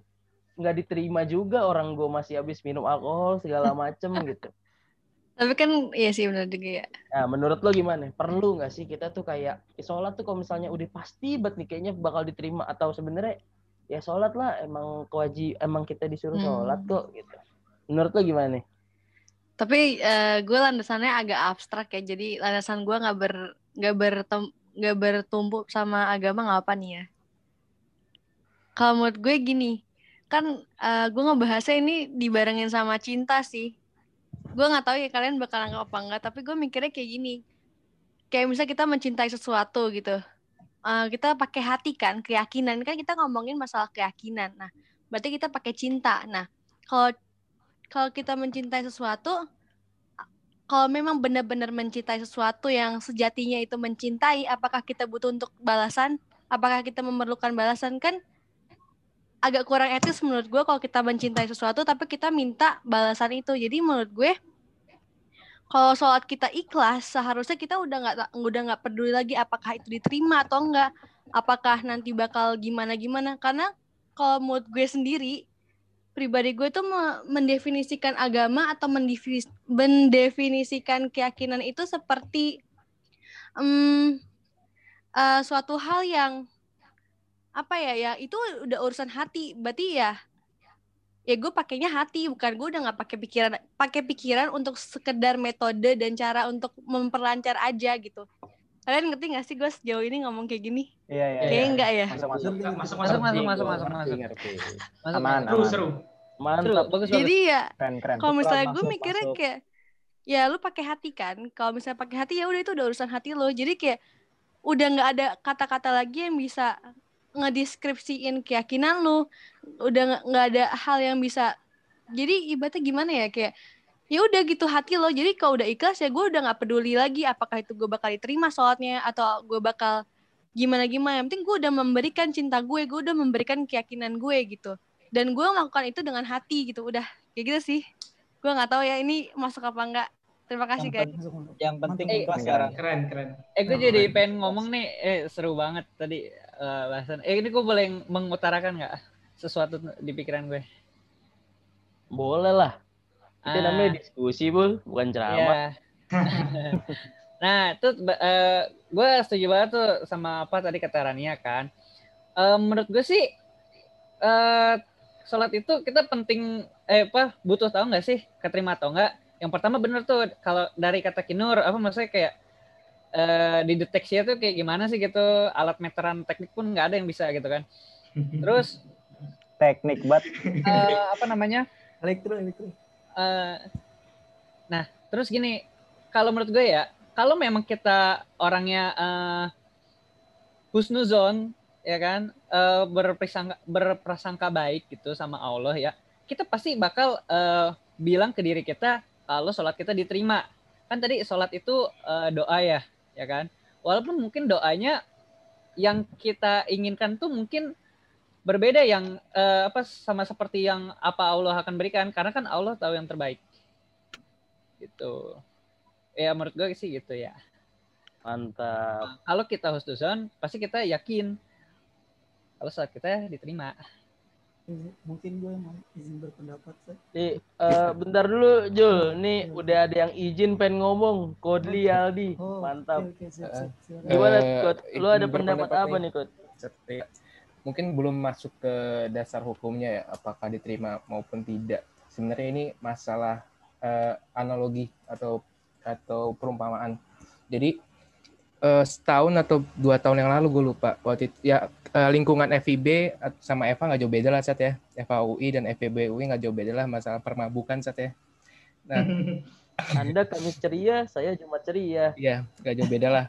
Jadi waktu itu juhur teman-teman, Eh gue bertiga sama teman gue mau juhur dan dua teman gue ini ya begitulah eh habis mabuk dan lain sebagainya.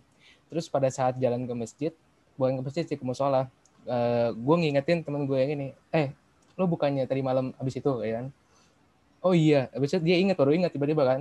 Terus bukan gue yang ngingetin masalah diterima atau tidak diterima ya, tapi dua pemabuk ini saling mengingatkan masing-masing. dia saling bertanya apakah sholat gue diterima atau enggak gitu kan. Anehnya salah eh, salah satu pemabuk ini agak agak pinter agamanya gitu. Dia bilang gini, iya Gimana tuh? bukan gue nasihatin temen yang antara pemabuk ini saling menasihati, gue cuma dengerin doang. Dia bilang gini, eh, diumpamakan sholat itu seperti seorang anak SD pergi ke sekolah dan diterima atau tidak diterimanya itu seperti uang jajan yang diberikan ibunya gitu. Jadi selama 40 hari itu dia tidak diberikan uang jajan tapi nggak menghilangkan kewajiban anak SD itu untuk berangkat sekolah kayak gitu. Jadi lo wajib tapi nggak dapet apa-apa kata dia kayak gitu. Wah menurut gue menarik juga sih. Maka dari itu nanti gue konfirmasi ke teman-teman Azhar gimana nih pendapatnya. Itu sih satu. Wah, gila. Keren ya, Kot. Ya, apa, orang mabuk juga harus tahu agama ya. keren keren keren Iya, orang mabuk yang memberikan insight gitu kan. Gue cuma ngingetin Analogi keren doang, banget, tapi dia mengingatkan agama ke gue balik ya. Bisa- ya. Itu analogi keren banget Iya, analogi yang cukup menarik. emang Selalu kita ingat. tuh. pemabuk semua Kod. Temen Iya. kita pemabuk semua. Iya. Ya Gitu. emang gimana ya? Ya itu yang gue bilang eh, berada di lingkungan yang negatif itu kadang menjadi sebuah rahmat gitu.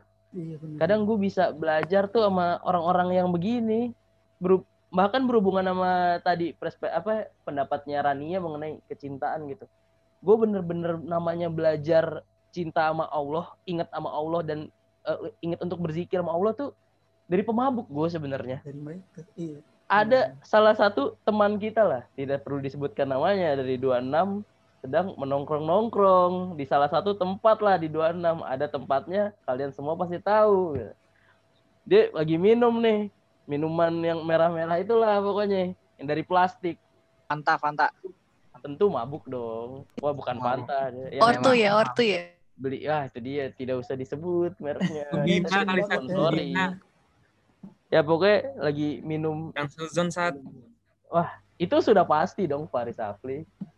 Sudah pasti deh. Nah, sedang mabuk, tiba-tiba azan maghrib berkumandang dari Masjid Al Ittihad. Dia bangun, eh, tar dulu gue dipanggil. Panggil siapa? Udah duduk aja. Panggil gue, sama siapa? Sama Allah. Di jalan, semboyongan deh. Itu Gokil anjir. itu pada saat itu kita semua ketawa. Tapi setelah pulang, gue baru mikir, ini orang kerjaannya mabuk nih. Tapi berarti yang ada di hati sama di palanya yang pertama Allah loh. Pas denger, pas lagi denger azan, dia langsung gerak. Wah keren banget sih ini. Salah yang sadar-sadar ya. Allah yang sadar, yang sadar malah kadang, ah, tar dulu dah, tar dulu dah, gitu. Nah mungkin tadi ada yang sempat kepotong nih mau ngasih mau ngasih pendapat Julian gimana Jul? Julian biasanya insight-nya nih menarik nih. Ya juga. Dan Gue- rada gokil sih biasanya. gue lebih ke apa ya lebih lebih apa ya maksudnya gimana ya gue sih menariknya tuh sebenarnya masih ada apa ya sambung sama yang analoginya Kodli gitu. Jadi kalau menurut gue pribadi ya, sholat tuh tadi gue sebenarnya menyampaikan ini, sholat tuh bukan tentang masalah diterima atau enggak, tapi yang penting lu jalanin aja dulu gitu. Apa yang kiranya menjadi kewajiban kayak misalkan uh, lo bayar pajak gitu ya. Ya udah lo bayar pajak aja gitu buat kepentingan negara lo gitu. Selebihnya negara mau menggunakan untuk apa ya itu urusan negara. Yang penting untuk masalah umum kayak gitu kan. Walaupun agak nggak nyambung tapi ngerti lah maksudnya.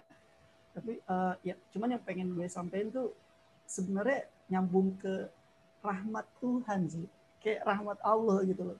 Jadi sholat tuh kan fasilitas ya. Kalau gue pribadi gue menyebutnya fasilitas.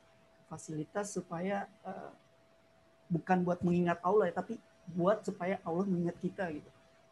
Jadi cara kita untuk mendekat ke Allah menggunakan sholat ini. Karena kalau kalau kita mengingat kan ya pasti setiap kapan pun kita pasti ingat Allah gitu kan. Bahkan orang yang mabuk aja masih ingat Allah gitu.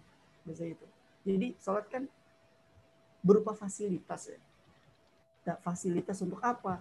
Untuk Allah ingat sama kita gitu kan? Jadi kalau misalkan masalah diterima atau enggak ini di luar hukum.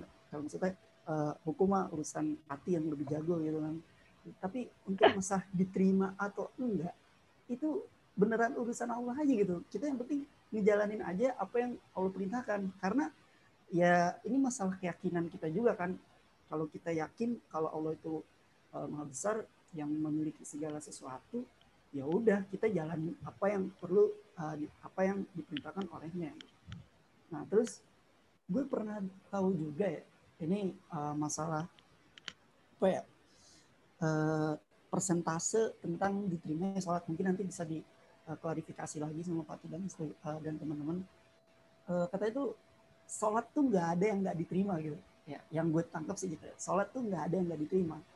Misalkan walaupun lo nggak khusyuk ya pasti ada beberapa persen yang uh, khusyuk gitu momen lo khusyuk gitu walaupun itu 10% atau bahkan kurang dari 10%, tapi ada gitu momennya lo khusyuk gitu. Dan itu merupakan salah satu kunci kalau uh, sholat kita tuh pasti diterima gitu. Dan kita nggak sadar gitu. Nah, mungkin nanti bisa dikoreksi lagi tuh sama uh, Tati dan. Mungkin dari gue itu aja. Mantap. Mungkin kalau misalnya gue boleh ngasih analogi lagi nih. Kayak masalah sholat diterima atau enggak tuh sama kayak mahasiswa ngerjain ujian atau tugas dari dosen ya. Emang harusnya eh, harus dikerjain perkara nilainya bagus apa enggak itu mah urusan nanti pas bagian IP bagian nilai. Hmm. Kita nggak perlu tahu. Nah mungkin eh, ada lagi nih teman kita dari tadi kita belum dap denger nih pendapatnya Humairoh bisa mungkin ngasih pendapat lah mengenai ini gitu. Ada nggak? Gimana tuh Humairo? Humairo mungkin ada pendapat mengenai ini Humairo nih sholat gimana tuh kan katanya kan uh, Humairo ini anak pondok ya jadi mungkin bisa dapat perspektif baru juga kita dari teman-teman gitu.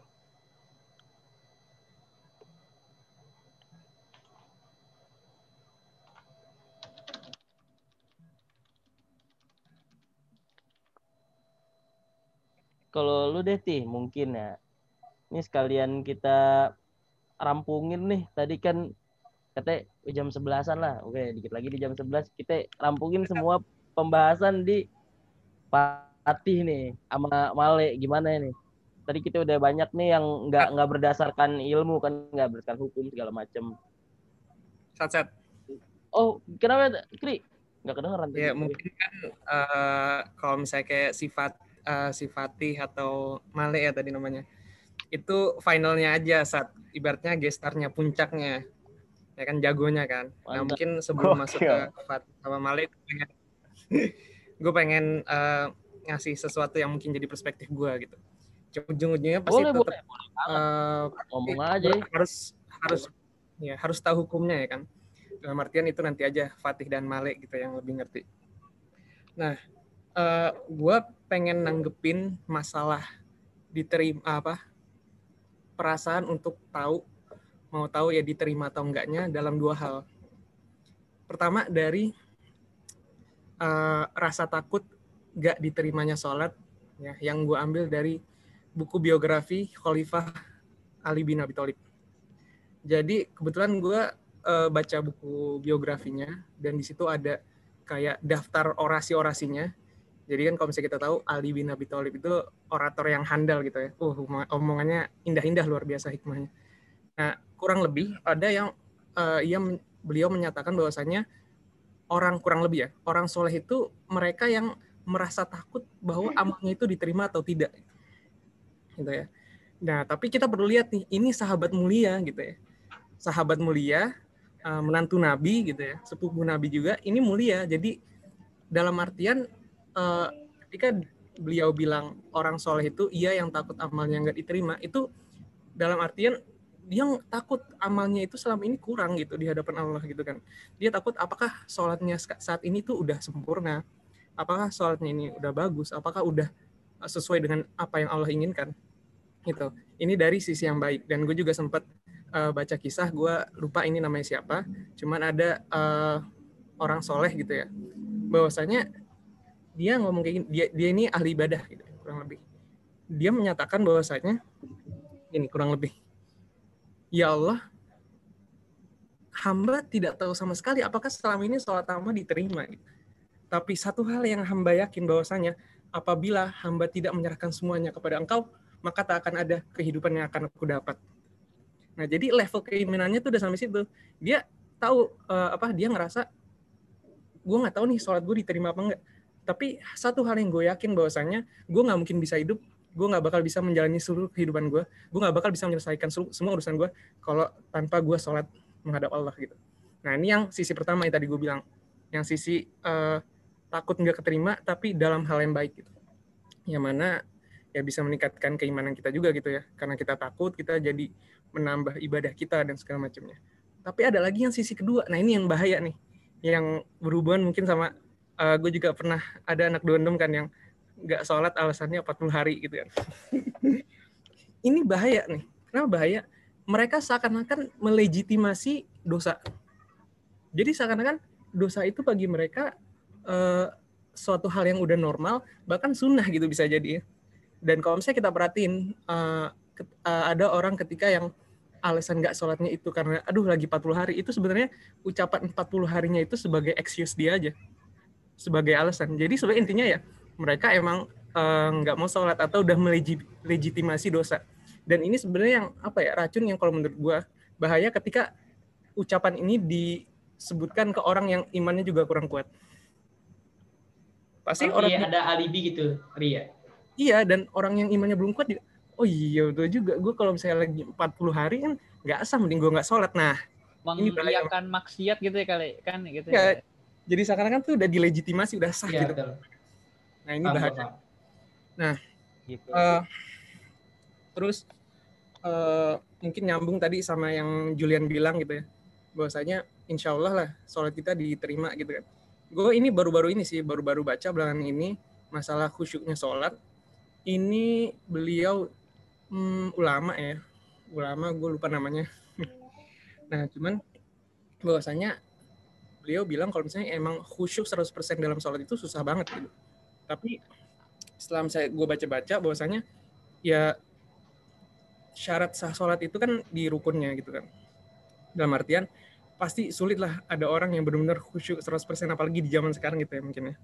Kalau kita lihat para sahabat salafus soleh malah banyak riwayat menyebutkan bajunya sampai basah karena nangis gitu. Jenggotnya sampai basah karena nangis gitu kan. Nah eh, itu kalau yang gue tangkap dari ulama yang gue baca itu ya tetap sah gitu. Dan kalau misalnya kalau nggak salah ini ya ini mungkin teman teman yang lain lebih tahu juga ya masalah yang perbuatan baik seorang muslim itu ada yang dikali lipat 10 kali sampai 700 kali gitu.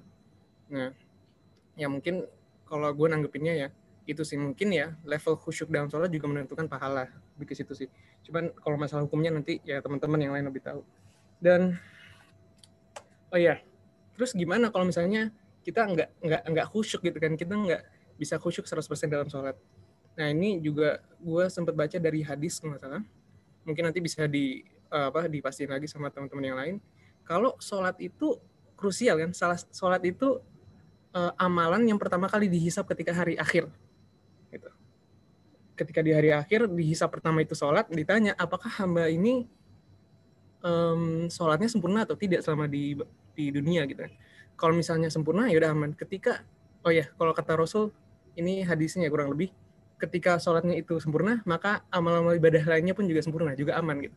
Tapi ketika tidak sempurna berarti amal-amal lainnya yang lain juga tidak sempurna gitu kan. Dan kurang lebih eh, kalau misalnya sholat itu tidak sempurna dilihat sholat sunnahnya bagaimana. Itu jadi ya daripada mungkin ya kalau kita masih merasa kebingungan atau takut gitu ya. Apakah sholat kita itu diterima atau seberapa diterima sih sholat kita ya insya Allah mungkin bisa kita perjuangkan atau bisa kita usahakan de- dengan menutup dengan menambah sholat sunnah gitu sih. Mungkin kita rasa kurang di sholat wajib ya insya Allah bisa disempurnakan lewat sholat sunnah gitu sih mungkin kalau perspektif dari gue oke Sat. Thank you Sat. Oke, mantap. Nih kayaknya makin ke sini makin banyak pendapat-pendapat baru nih kayaknya udah jam 11 kita tambahin aja kali ya barang setengah jam gitu. Nih Fatih Setuju sih sama. Male belum ngasih nih. Bang, Ngasih nih Fatih sama Male pendapat. Gimana tuh, Mat? gue mau nanya dong bang, kalau misalkan nih, kan kalau Kayaknya hmm, ya, nggak apa. kalau misalkan kita mabok gitu kan 40 hari nggak diterima ya kan dan itu kita bisa eh, tobat dan kalau dina 40 tahun ya itu juga kita bisa dengan sholat tobat dan sedangkan kalau misalkan nih kalau misalkan kita habis apa nih bahasanya ya? Ngeluarin yang buat cowok tuh ngeluarin itulah. Air mani dengan secara terpaksa kita kan harus mandi wajib. Terpaksa apa sengaja? ya pokoknya em, eh, secara alami atau kita ngelakuin sendiri gitu ya kan? Jadi itu kan harus mandi wajib.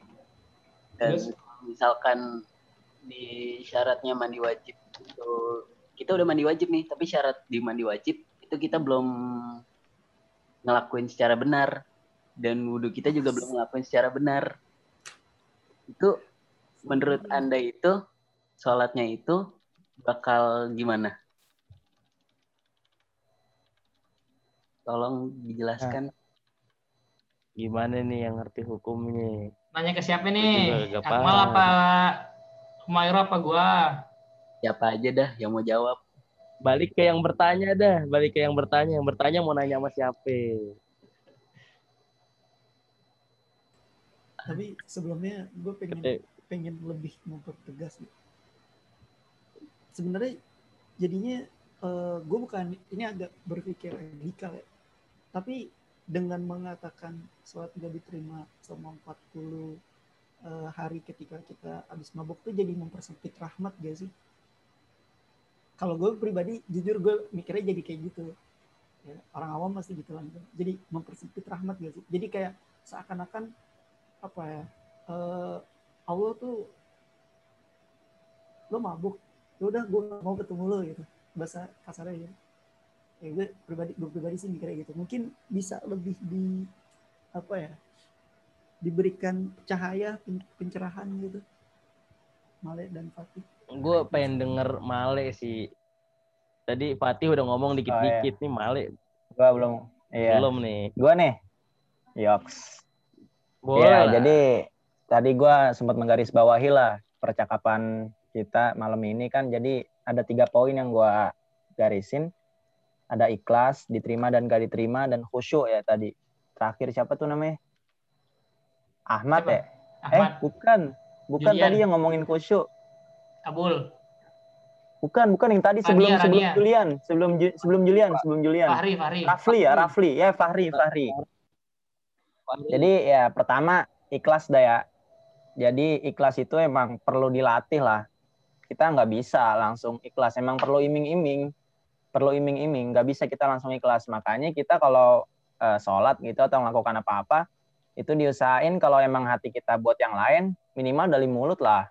Makanya kan usolli farada zuhri rokaatai eh arba rokaatin gitu kan. Mustaqbilal kiblati adaan lillahi ta'ala Nah itu walaupun belum sampai ke hati, setidaknya kita ada usaha gitu. Entah nanti iming-iming biar UN ini lancar gitu, nggak apa-apa juga gitu. Yang penting niat rukun tadi tuh dapat gitu. Itulah hati-hatinya eh, mazhab kita, mazhab Syafi'i itu berhati-hati banget soal niat. Kalau gue sih lebih membedakan ya niat sama motivasi sih.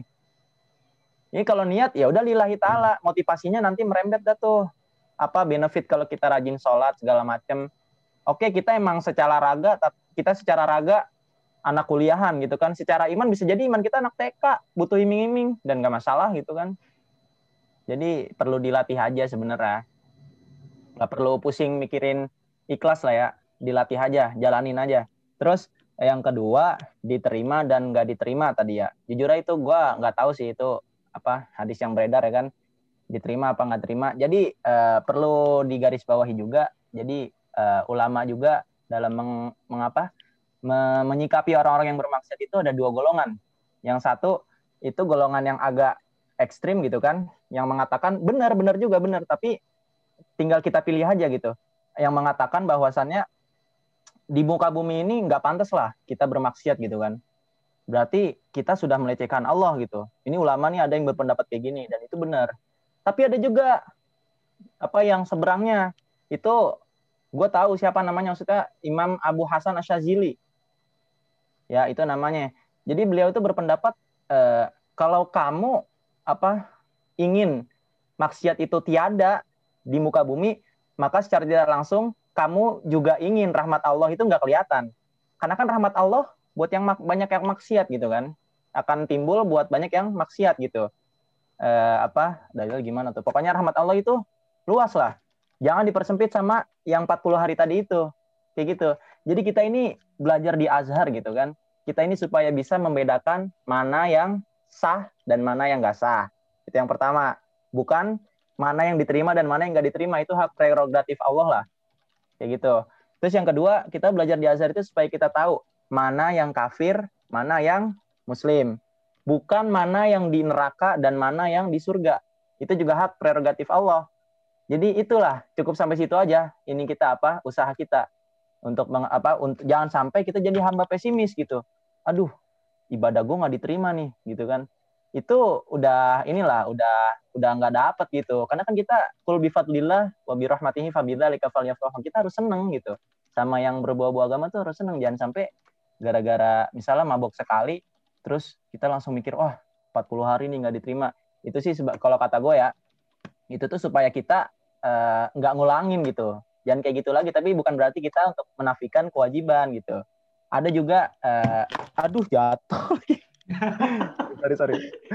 Jadi ada juga apa uh, itu apa yang masih ini masih masih perihal diterima dan nggak diterima ya. Jadi uh, di kitab al hikam itu kitab tentang inilah tasawuf gitulah. Jadi eh, dikatakan kayak gini, amal yang sedikit gitu kan, amal yang sedikit tapi disertai dengan rasa syukur yang tinggi, itu lebih Allah cintai daripada banyak amal tapi banyak ragunya gitu. Misal sehari kita tahajud seribu rakaat nih, tapi ragu nih, aduh diterima nggak nih amal kita? Itu kagak bahaya tuh. Mendingan kita wajib-wajibnya aja dah. Tapi kita bersyukur ya Allah, alhamdulillah hari ini kita saya bisa sujud. Itu ya Allah, alhamdulillah hari ini saya bisa sholat zuhur ya Allah alhamdulillah saya hari ini bisa sholat asar gitu daripada banyak amal tapi cuman menimbulkan sebuah keresahan gitu ini diterima nggak ya diterima nggak ya itu malah jadi problem gitu jadi nggak ada rahmat Allah tuh nggak jadi kita nggak senang sama rahmat Allah gitu pokoknya rahmat Allah itu luas lah jangan kan yang mabuk gitu kan orang yang bunuh 99 aja masuk surga kan gara-gara berapa jengkal lagi masuk apa berapa jengkal lagi bisa apa menyampaikan isi taubatnya gitu itu soal diterima dan gak diterima ya. Jadi ini aja lah, jadi hamba yang optimis gitu. Karena nggak ada kunci neraka tuh nggak ada, adanya kunci surga, la ilaha illallah. Jadi optimis saya udah. Ya, terus yang terakhir soal khusyuk nih. Ya khusyuk sih yang pernah gue baca ya, khusyuk itu sunnah. Dan sama kayak ikhlas. Maksudnya perlu dilatih ya. Ikhlas tuh emang harus, cuman khusyuk ini gue tahu hukumnya gitu. Pernah gue pernah baca khusyuk itu dalam sholat ya sunnah. Yang rukun-rukunnya aja tuh lu perhatiin dulu tuh. Nanti soal khusyuk ikhlas segala macem bisa sampai nangis segala macem gitu kan. Itu setelah kita latih hati kita. Karena itu tadi emang raga kita nih emang anak-anak kuliahan. Tapi soal iman kita belum tentu anak kuliahan juga iman kita bisa jadi iman kita iman anak SD gitu kan yang perlu iming-iming dan nggak masalah mungkin itu aja sih dari gua Mantap. Mantap lah. Tapi ini mungkin sebelum beralih ke Fatih lagi nih, pengen membahas mengenai itu lagi. Gue mau nanya nih yang belum ngasih pendapat nih di topik yang ini ada bagus. Yang dari tadi keluar masuk mulu, Gus. Gue kok kayak jadi ini, kayak jadi juru kunci ya. Iya, bukan jadi juru kunci. Kadang kita seakan misalnya mungkin kita ada yang salah nih pendapat kita nih. Nah, lu bisa membenarkan nanti. Di situ Gitu. justru ini saat apa namanya beratnya pelajar agama, ajurukum al futiyah, ajurukum al nar. Siapa yang paling berani berfatwa, dia paling berani menyentuh api neraka katanya. Karena paling sulit itu ngasih fatwa itu. Tapi saat, saat tapi gue penasaran sama pendapat Kayla nih Sat. Soalnya kadang pendapat Kayla nih out of the box ya gue jujur aja. Iya. Kayak agak beda Iya sih. sendiri Di gitu. subbab di, di subbahasan ini belum nih dia ngomong nih. Coba. Coba. Kayak, coba deh kayak. Kai ngomong kai itu coba. Ngomongin soal catatan itu ngomongin soal khusyuk apa gimana sih Nen? Subbab ini tuh ngomongnya tentang apa nih coba dirangkumkan dulu gue agak liar deh tadi Kalau menurut gue justru di, di ini saat dirapin dulu saat jadi biar kita nggak ke mana-mana beresin ini besok ke sana beresin ini besok ke sana gitu. Mm-mm. Iya ini eh, belum beres. Lebar. sih. belum beres itu. Ini Iya. balik lagi nih ya. Gue menekankan lagi nih pertanyaannya adalah eh, perlu nggak sih kita tuh tahu eh, Hmm. sholat kita tuh diterima atau enggak? Kayak apakah kita sholat tuh eh, yang perlu kita lihat tuh itunya gitu. Bukan masalah kita sho- sholatnya sah atau enggak atau gimana. Tapi itu kan kadang ya mungkin untuk beberapa orang tuh ada yang kayak gitu gitu. Kayaknya sholat gue gak diterima deh. Gue gak usah sholat deh. Nah menurut lo gimana Kai? Sholat tuh perlu nggak Hmm. sih kita tahu itu diterima apa enggak? Hmm, gue sih ya dari pengalaman gue dan uh, apa pengalaman gue nih ya ngomongin sholat ini tuh buk, jangankan ngomongin sholat ngomongin soal uh, apa ya ibadah ini kan luas ya. Jadi bisa jadi uh, ada orang yang struggle di bagian lain tapi di bagian sholatnya dia imannya dia kuat gitu misalkan atau dan lain sebagainya. Nah gue itu eh gue ngeliatnya gini waktu pas awal gue pindah ke sini gue eh, gue ngomong gini aja ya. Gue dulu anak madrasah kan pas SD gue belajar tuh yang namanya fikih gue belajar gitu-gitu. Tapi pas masuk SMA hilang kan. Tapi gue gue jujur aja nih ya pas SMA tuh banyak yang nanya ke gue. Gue berasa merasa oh gue merasa paling tahu dong. Gue pindah ke sini dong wah dengan maksudnya apa ya gue baru merasakan sombongnya itu loh. Jadi entah kenapa gue dulu gak gak pernah ngerasain kayak gitu bodo, bodo, eh, bodo amat kayak iya gue tahu gue tahu gitu. Cuman tidak diimplementasikan ya gitu kan contoh eh gininya. Terus pindah ke sini gue ketemulah banyak teman-teman gue di sini. Ya negara negara negara berpikir lah ya di sini tuh ya kata kata mudahnya kan negara berpikir. Ada temen deket gue tiga, dua orang yang muslim satu orang syiah satu uh, dia muslim sunni tapi nggak sholat gitu. Kebingungan dong gue pas awal. Ini orang kok nggak sholat? gitu gue bilang gitu. Gue di sekolah gue doang nih yang sholat gitu kan. Gue merasa oh gue oh gue paling bagus lah.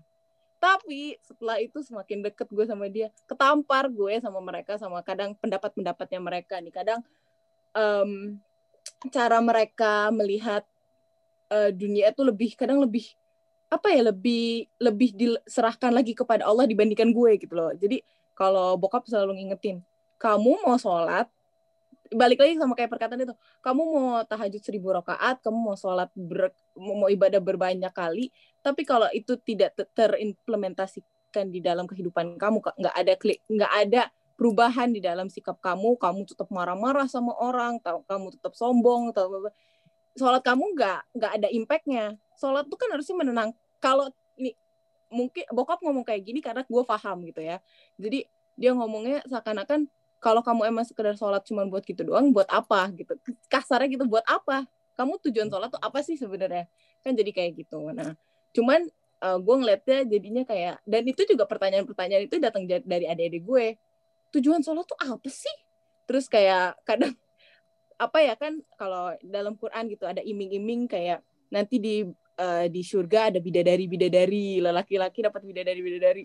Adik-adik gue kan lagi masa-masa banyak bertanya ya, ih ngapain sih orang mikirinnya kayak gitu gitu kan? Itu kan karena pertanyaan yang kok kepikiran gitu. Gue juga kagak kepikiran, gue juga bodo amat. gue potong dulu dah, bentar. Eh, mungkin tadi ada ada pendapat lu tuh yang agak ngena nih ke topiknya.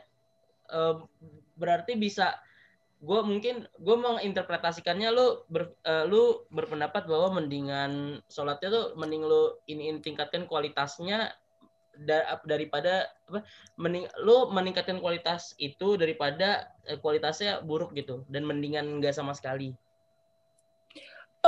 Mung- bisa gini kalau gue sih ngeliatnya kalau kalau kita udah paham nih ya kalau kita udah paham tujuan sholat dan lain sebagainya jadi harusnya itu meningkatkan kualitasnya bukan cuma sekedar kuantitas.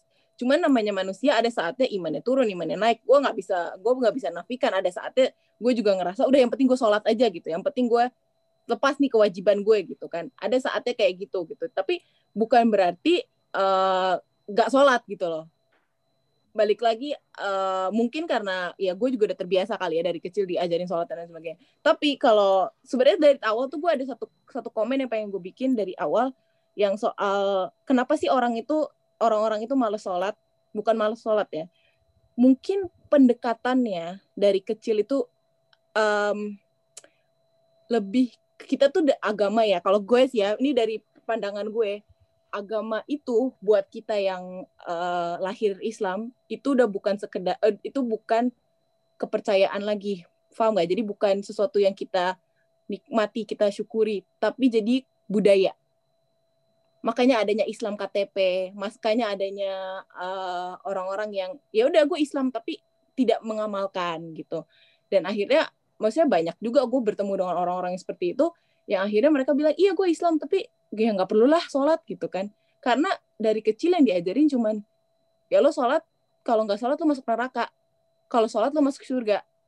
Kan buat sebagian orang yang kayak ya udahlah bodo amat gitu kan. Itu kan masih di dunia lain itu bodo amat gitu. Jadi kalau gue bilang kenapa orang akhirnya melarikan diri dari sholat atau merasa sholat itu nggak penting karena itu pendekatan dari kecilnya itu pendekatan dari lingkungannya pendekatan dari orang-orang eh, balik lagi itu kan ngomongin soal keluarga ya. Orang-orang terdekatnya dia itu bukan em, sholat itu adalah sesuatu yang eh, kita sendiri sebagai hamba butuhkan tapi lebih ke pokoknya lo harus ikutin ini karena ini dalam agama A B C D E F G. Dah turutin aja nggak usah banyak tanya. Bye. Gitu. Kalau gue sih ngeliatnya kayak gitu. Jadi kalau ngomongin soal pen apa kalau ngomongin soal topik yang subtopik yang ini yang perlu nggak sih kita tahu eh, soal kita diterima atau enggak enggak gue sih jujur enggak karena kalau gue tahu akhirnya gue merasa sombong. Oh gue udah banyak pahala ya udah. Nggak usah lagi gue tambah pahala gue. Gitu. Kalau gue sih ngeliatnya gitu. Oke, ih gue jadi gue jadi inget temen gue anjir nih. Yang bilang katanya kan so, sholat kalau misalnya di Mekah itu udah sama kayak kita eh, sholat berapa ribu tahun gitu ya udah gue nggak sholat nggak usah sholat aja dulu udah nabung anjir Kacak, kacak. Tapi nanti kata-kata Kaila tuh tadi eh, mungkin Fadli tahu ya, dia nge kayak nge-mention eh, di buku kemanusiaan dan agama tuh. Mungkin lo udah baca nih.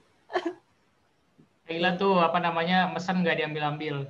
Itu mention banget. Jadi ada di ada satu bab jadi eh, jeritan asma no.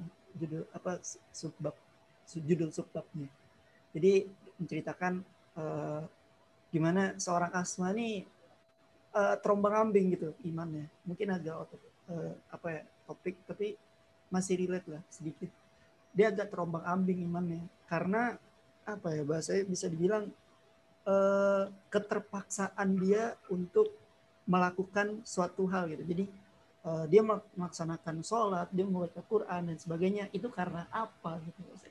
Ya yang tadi Kaila sam, yang tadi Kaila bilang. Jadi agama sekarang itu kita yang sebagai udah yang berislam dari lahir tuh eh, menganggap sebuah agama tuh sebagai budaya, bukan sebagai sebuah kebanggaan yang hakiki gitu. Kalau keren. Kebanggaan yang hakiki yang bisa kita apa ya harus kita syukuri gitu. makanya gue kadang suka mikir juga nih eh, apa kenapa orang yang apa ya, biasanya baru masuk Islam gitu ya lebih lebih apa ya lebih semangat gitu menjalankan eh, ibadah dan sebagainya dibanding kita yang ada dari dari dari lahir Islam gitu. Ternyata jawabannya tadi itu. Apa gila keren keren parah.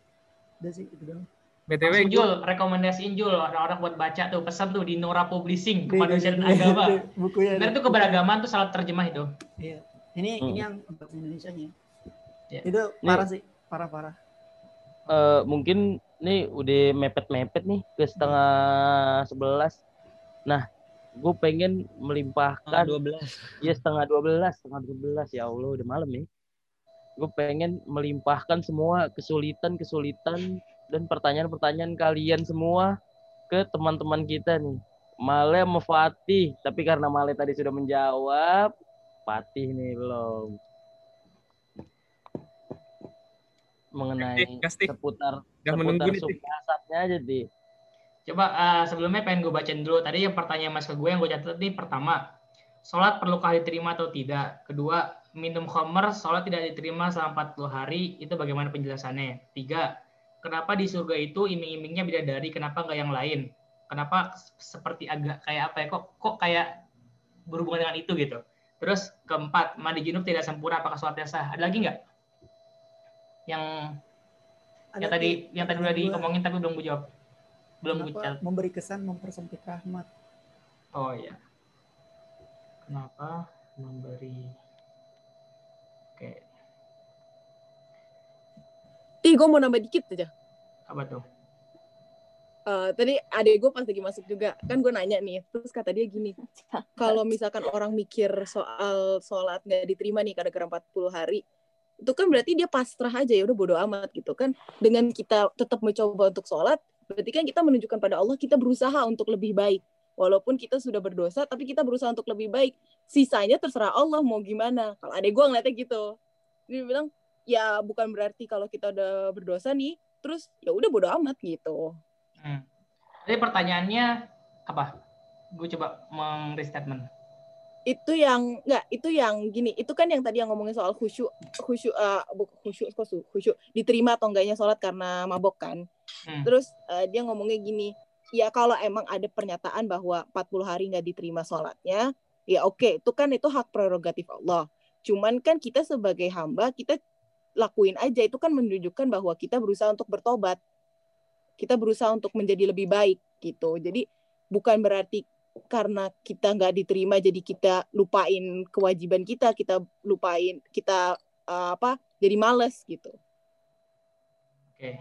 kayaknya Humaira mau, mau ngasih pendapat deh katanya Iya tuh Humaira. Ya boleh boleh. Monggo Boleh monggo. sebelum penghabisan. Marhaban. Kayaknya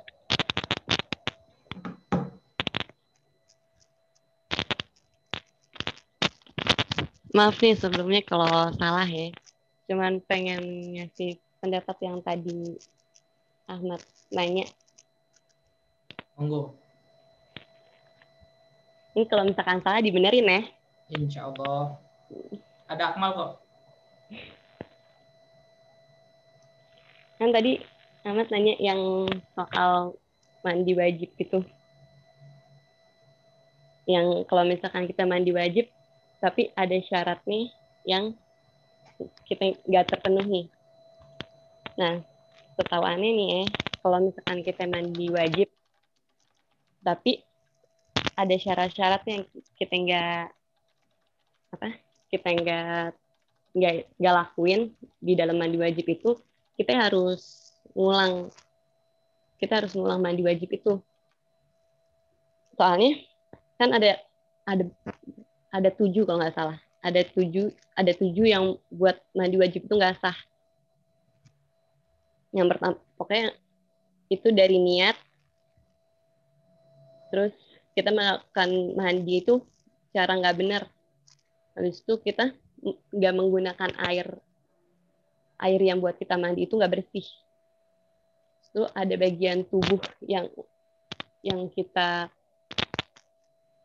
bagian tubuh yang kering yang masih kering gitu. Terus eh, kayak kan kalau misalkan mandi wajib itu rambut juga harus kena kan? Karena dari atas sampai bawah. Ya, gimana? Terus juga eh apa sih? Terus eh, masih kayak kuk, eh, kan kalau misalkan dalam kuku tuh biasanya kan ada kotoran-kotoran gitu. Nah kalau misalkan dalam dalam kuku itu kotoran yang nggak bersih kita juga termasuk itu termasuk apa? Em, buat Menghalangi wajib air. itu nggak sah Ya, iya betul. Menghalangi air masuk ke dalam kulit. Nah, terus juga jadi kayak eh, terus mandi wajibnya itu nggak sesuai sama urutannya. Hmm.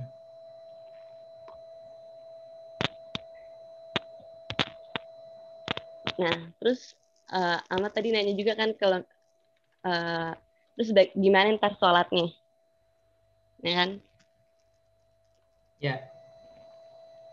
Eh, kalau misalkan mandi wajib kayak gitu, eh, itu syaratnya syaratnya aja ada yang nggak terpenuhi. Berarti kita sholatnya mesti ngulang juga dong, Hmm. ya kan? Karena so- eh, apa mandi wajibnya ini nggak nggak tuntas istilahnya gitu.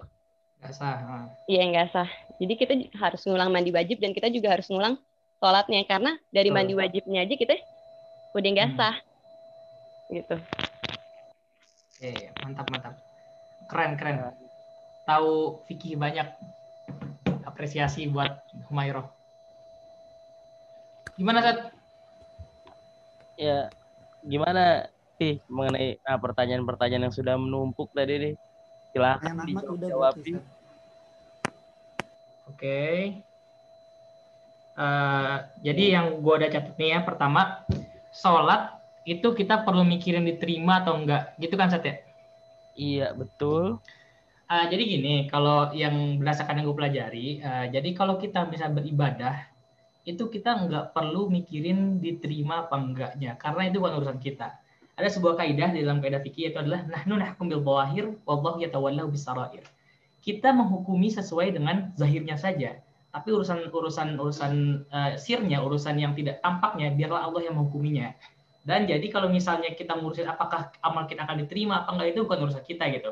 Kita tapi kita berusaha sebaik mungkin sebisa mungkin agar kita sholatnya khusyuk agar kita sholatnya eh, apa namanya eh, dengan berharap agar diterima gitu. Tapi urusan diterima atau bukan diterima bukan urusan kita. Kita yang penting kita ngelakuin syaratnya udah dilengkapin apa belum kita lakuin rukun-rukun sholat dilengkapin apa belum kita eh, apa namanya begitu sholat atau caranya dan segala macamnya sudah benar apa belum gitu oke itu yang pertama ya Sat ya kalau yang kedua, eh, minum khamar sholat, sholat tidak diterima selama 40 hari. Jadi gini teman-teman, Eh, kalau minum khamar itu memang yang gua tahu, iya eh, ibadah tidak diterima selama 40 hari, tapi bukan berarti itu menjadikan kita eh, tidak mendapat kewajiban ibadah.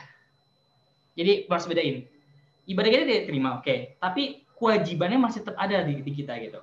Nah, kalau misalnya kita minum khamar, terus kita bertaubat, itu eh, insya Allah taubat diterima eh, dan kewajibannya itu tetap masih ada. Jadi kita nggak bisa mm, apa menyamakan antara diterima dengan kewajiban. Diterima urusan satu urusan, kewajiban untuk sholat itu adalah satu urusan yang lain gitu. Jadi tapi gini teman-teman kaidahnya, eh, kan eh, Allah itu kan bilang ya di eh, Al-Quran, gimana eh, eh, gimana mal, gue lupa. Wasari'u ila maghfiratin min rabbikum wa jannatin 'arduha as-samawati wal ard u'iddat lil muttaqin. Ah, ah, ber, apa bersegeralah kalian ke maghfirahnya dari Rabb kalian. Gitu. Jadi kenapa gini? Ah, gua gua ada, gua ada sebuah kaidah yang menarik ya menurut gua. Ah, kenapa dibilang innallaha yuhibbut tawwabin wa wa inna wa innallaha yuhibbut tawwabin wa yuhibbul mutatahhirin. Kenapa dibilang tawwabin? Kenapa nggak dibilang taibun? Apa beda ta, ta, taibun sama tawwabin? Taibun itu ialah orang yang bertaubat, tapi orang tawabin itu adalah, orang yang terus-menerus bertaubat. Jadi kalau kata Ibn al-Jufri, lo kalian ini apa namanya jatuh ke dalam maksiat, terus kalian bertobat, terus kalian sudah berusaha untuk tidak uh, apa namanya uh, jatuh ke dalam maksiat lagi, tapi kalian gagal oleh setan. Sebagaimana setan tidak menyerah untuk menggagalkan kalian untuk uh, uh, untuk bertakwa gitu. Sebagaimana setan tidak menyerah untuk uh, apa istilahnya menjerumuskan dalam maksiat, kalian juga tidak boleh menyerah dari rahmat Allah gitu. Allah tuh menyukai orang tawabin. Bahkan Sahib Al Jufri bilang di suatu sebuah hadis gitu ya uh, uh, pernah menceritakan it, uh, ketika seorang hamba berdosa lalu dia meminta ampun kepada Allah, Allah akan bilang kepada para malaikatnya, "Ya malaikati, wahai malaikatku, sungguhnya aku telah mengampuni hamba ini." Terus kemudian hamba ini berdosa lagi. Allah akan dia bertobat lagi, Allah akan bilang lagi, "Wahai malaikatku, aku telah mengampuni hamba ini." Terus kemudian yang ketiga, hamba ini berdosa lagi, tapi dia tetap bertobat lagi karena dia nggak kuat dengan dengan godaan setan dan dia tetap terjerumus. Terus dia eh, apa namanya eh, tobat lagi. Kata Allah gimana?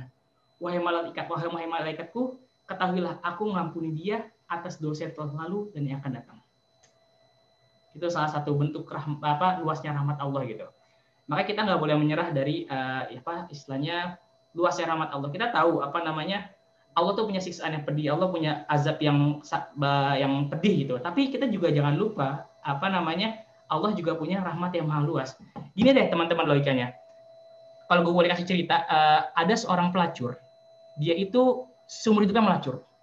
Tiba-tiba di akhir hayatnya dia ketemu dengan uh, dia ketemu dengan dia kehausan dan dia ketemu sebuah sumur. Lalu dia uh, didatangi oleh seorang anjing. Eh, seorang seekor anjing ya. Jadi tiba-tiba kan ada seekor anjing datang ya. Jadi saya seorang nih, ada seekor anjing datang. Terus tiba-tiba pelacur ini bingung. Saya ini ingin ngasih minum anjing ini atau buat saya? Karena kalau saya minum, saya hidup anjing ini mati. Tapi kalau anjing ini minum, saya mati. Tapi karena kebaikan dan ketulusan niatnya itu untuk menjadikan apa rahmat bagi seluruh alam untuk untuk berbuat baik, uh, akhirnya pelacur itu memberi minum anjingnya dan dia mati. Dan uniknya apa? Allah mengampuni seluruh dosa-dosanya yang ada di uh, selama dia melacur dan dia dimasukkan ke surga. Makanya gini, kalau kita kalau kita mikir ya, kita nggak bisa mengotoritas gitu. Kita tidak boleh punya otoritas terhadap rahmat Allah. Rahmat Allah itu maha. Memang azabnya pedih, azabnya pedih, tapi rahmat Allah tuh lebih luas daripada azabnya gitu. Oke, itu yang bisa mungkin gue sampaikan. Ah, mungkin ada ini lagi. Satu lagi, untuk soal bab ini, ada sahabat namanya Nuaiman. Nuaiman itu seorang sahabat Rasul Shallallahu Alaihi Wasallam. Beliau itu emang tukang mabok, maksudnya berdosa. Tapi gini, teman-teman. Ketika kita sudah tahu uh, kita berdosa, itu masih lebih baik kita mengakui kita sebagai seorang yang berdosa, kita mengakui kita seorang apa yang bermaksiat itu jauh lebih baik daripada kita tetap minum dan mengakui bahwa dan menganggap bahwa dosa uh, minum kita ini tidaklah berdosa dan ini legal dan ini boleh bahkan sampai apa namanya dikisahkan pada zaman Rasulullah SAW uh, sahabat Mama ini minum dicambuk sama Rasul karena kata karena karena karena kena hukum hukum Allah kan. Terus minum lagi dicambuk lagi terus minum lagi dicambuk lagi. Sampai akhirnya sahabat ada yang bosen. Sahabat ada yang ya Rasul ini orang nih udah kurang ajar banget gitu. Kita kita laknat aja gitu. Tapi kata Rasul apa? Jangan. Uh, sungguhnya orang ini mencintai, mencintai Allah dan Rasulnya. Pelajaran yang bisa kita ambil dari, dari sini? Bahwa apa istilahnya ya, uh, rahmat Allah itu maha luas. Kita mungkin masih kita nggak bisa gitu keluar dari maksiat, tapi kita harus sadar bahwa sejauh apa pun kita bermaksiat, sejauh apa pun Allah kalau kita mau bertobat, Allah akan mendatangkan ampunan itu. Sebes kalau andaikan uh, dosa kita sebesar bumi dan isinya gitu, Allah datangkan seisi itu juga, sebesar itu juga. Oke, yang ketiga mungkin gue akan jawab dari kenapa di surga itu iming-imingnya bidadari, kenapa nggak yang lain itu dari Kaila ya. Kalau kata Imam Ghazali yang gue dapat yang gue pelajari bahwa seluruh kenikmatan yang digambarkan di Al-Quran tentang surga itu bukanlah uh, uh, apa namanya kenikmatan itu saja gitu. Maksudnya gini, mungkin kalau uh, di surga kita bisa sering dengar ya, uh, nanti di surga itu adalah ada sungai yang mengalir, terus ada apa namanya uh, uh, banyaklah macam-macam dikisahkan dalam Quran tentang surga. Tapi kenapa Allah kalau kata Imam Ghazali kenapa Allah memberikan gambaran seperti itu? Karena gambaran seperti itulah yang bisa ditangkap untuk orang Arab pada zaman itu. Tapi sebenarnya kenikmatan dan apa namanya keindahan surga itu tidak bisa dibayangkan sejauh apa pun kita membayangkannya. Sejauh apa pun kita membayangkannya, itu pasti akan lebih tinggi lagi daripada yang kita bayangkan. Jadi dibilang surga nanti ada sungai mengalir, yaitu karena orang Arab zaman dulu tuh ya itu di padang pasir. Jadi kalau lihat sungai kan seneng kan, tapi kalau misalnya apakah aslinya seperti itu jauh lebih tinggi lagi, jauh lebih nikmat lagi. Dan sebaliknya juga gitu neraka. neraka itu uh, apa namanya bukan hanya uh, sepedih itu yang disiksa yang digambarkan di Al-Quran, tapi jauh lebih pedih lagi dan jauh lebih sakit lagi dan jauh lebih menceramkan lagi gitu. Oke, terus yang keempat ya, uh, jadi itu kita dijawab jawab pertanyaan yang kenapa di surga itu iming-imingi bidadari, kenapa enggak yang lain. Jadi bidadari itu hanya sebagai gambaran saja, tapi akan jauh lebih indah dan jauh lebih nikmat daripada itu. Makanya hidup ini adalah penentuan, sebagaimana kata Umar bin Khattab kalau nggak salah ya. Hasibu a'malakum qabla an tuhasabu. Apa kata Rasul ya? Coba uh, itu katanya uh, kalau nggak sih mau Khattab ya hasibu anfusakum qabla an tuhasabu inilah salah satu uh, indahnya amal dalam Islam apa namanya hitunglah kira-kirakanlah uh, amal perbuatan yang ada di diri kalian sebelum kalian akan dihisap nanti di hari kiamat hisaplah sendiri dulu gitu jadi uh, mungkin ini uh, salah satu bentuk uh, hikmah ya. Kenapa Allah tidak membuka berapa banyak amalan kebaikan yang sudah kita kerjakan dan berapa banyak amalan buruk yang sudah kita kerjakan? Gitu. Terus uh, yang kelima eh keempat uh, mandi junub tidak sempurna apakah sholatnya sah? Gini teman-teman. Syarat salah satu syarat sah sholat itu ialah suci dari hadas. Hadas ada dua ada hadas besar ada hadas kecil. Sementara kalau kita berkeadaan status junub yaitu junub itu bisa uh, karena apa namanya uh, keluarnya uh, sperma mohon maaf dan berhubungan suami istri dan segala macamnya itu menjadikan status kita jadi junub gitu. Nah setelah kita junub maka kita harus menghilangkan status itu status hadas besar itu. Kita kita kita harus menghilangkannya baru kita boleh sholat. Jadi apa apa namanya uh, gimana cara memahaminya? Jadi kalau hadas besar ini belum hilang berarti kita nggak boleh sholat. Nah, apa cara menghilangkan apa namanya mandi junub tadi? Yaitu cara menghilangkannya hanya dua rukunnya. Mandi junub itu uh, ada yang bilang dua, ada yang bilang tiga. Ada yang bilang dua itu menghilangkan apa berniat. Terus yang kedua uh, mengalirkan air mengalirkan air ke seluruh tubuh. Jadi kalau ketika kita mandi junub, yang kita harus pastikan kita udah niat, terus kita mengalirkan air ke seluruh tubuh dan sebagian ulama bilang kita harus menghilangkan eh bukan bukan sebagian ulama emang harus dihilangkan najis dari yang ada di tubuh gitu. Nah jadi kalau bisa dikuku nih ada apa namanya ada kotoran nih kita harus menghilangkannya gitu. Jadi kalau misalnya ada tip X gitu kita harus menghapusnya gitu. Karena rukun mandi junub atau syarat atau yang yang yang membuat dia mandi junub itu adalah sah itu adalah dengan mengalirkan air ke seluruh tubuh sampai ujung-ujungnya. Jadi kalau misalnya teman-teman ini masuk ke masalah fikih ya sih gini ah saya ribet ah apa namanya mandi junub kalau pakai pakai shower pakai gayung saya gini saya pengen mandi junub nyebur aja ke laut sah nggak sah jadi kalian niat, besok kalian lonceng laut biur. Itu kan bahasa semua seluruh tubuh itu sah. Atau nyebur ke sungai, biur. Karena itu airnya sudah lebih dari dua puluh dan airnya suci mensucikan. Gitu. Oke, yang kelima. Kenapa memberi kesan mempersempit rahmat? Ini pertanyaannya siapa ya? Julian, Julian. Gimana Jul? Gua gua gak lupa konteksnya hari ini. Sebenarnya tadi udah kejawab sih secara nggak hmm. langsung. Hmm. Gimana tuh? Uh, apa yang sholat nggak diterima 40 hari terus hmm. uh, seakan tuh seolah-olah memberi kesan jadi mempersipit mempersipit rahmat gitu hmm. itu kenapa bisa kayak gitu gitu jadi kenapa ada apa ya ada stigma bisa sampai kayak gitu gitu hmm. apakah benar kita tadi kan apakah benar uh, dengan kita mabuk sholat nggak diterima 40 hari terus kenapa tahu-tahu ada hukum yang menjelaskan seperti itu gitu.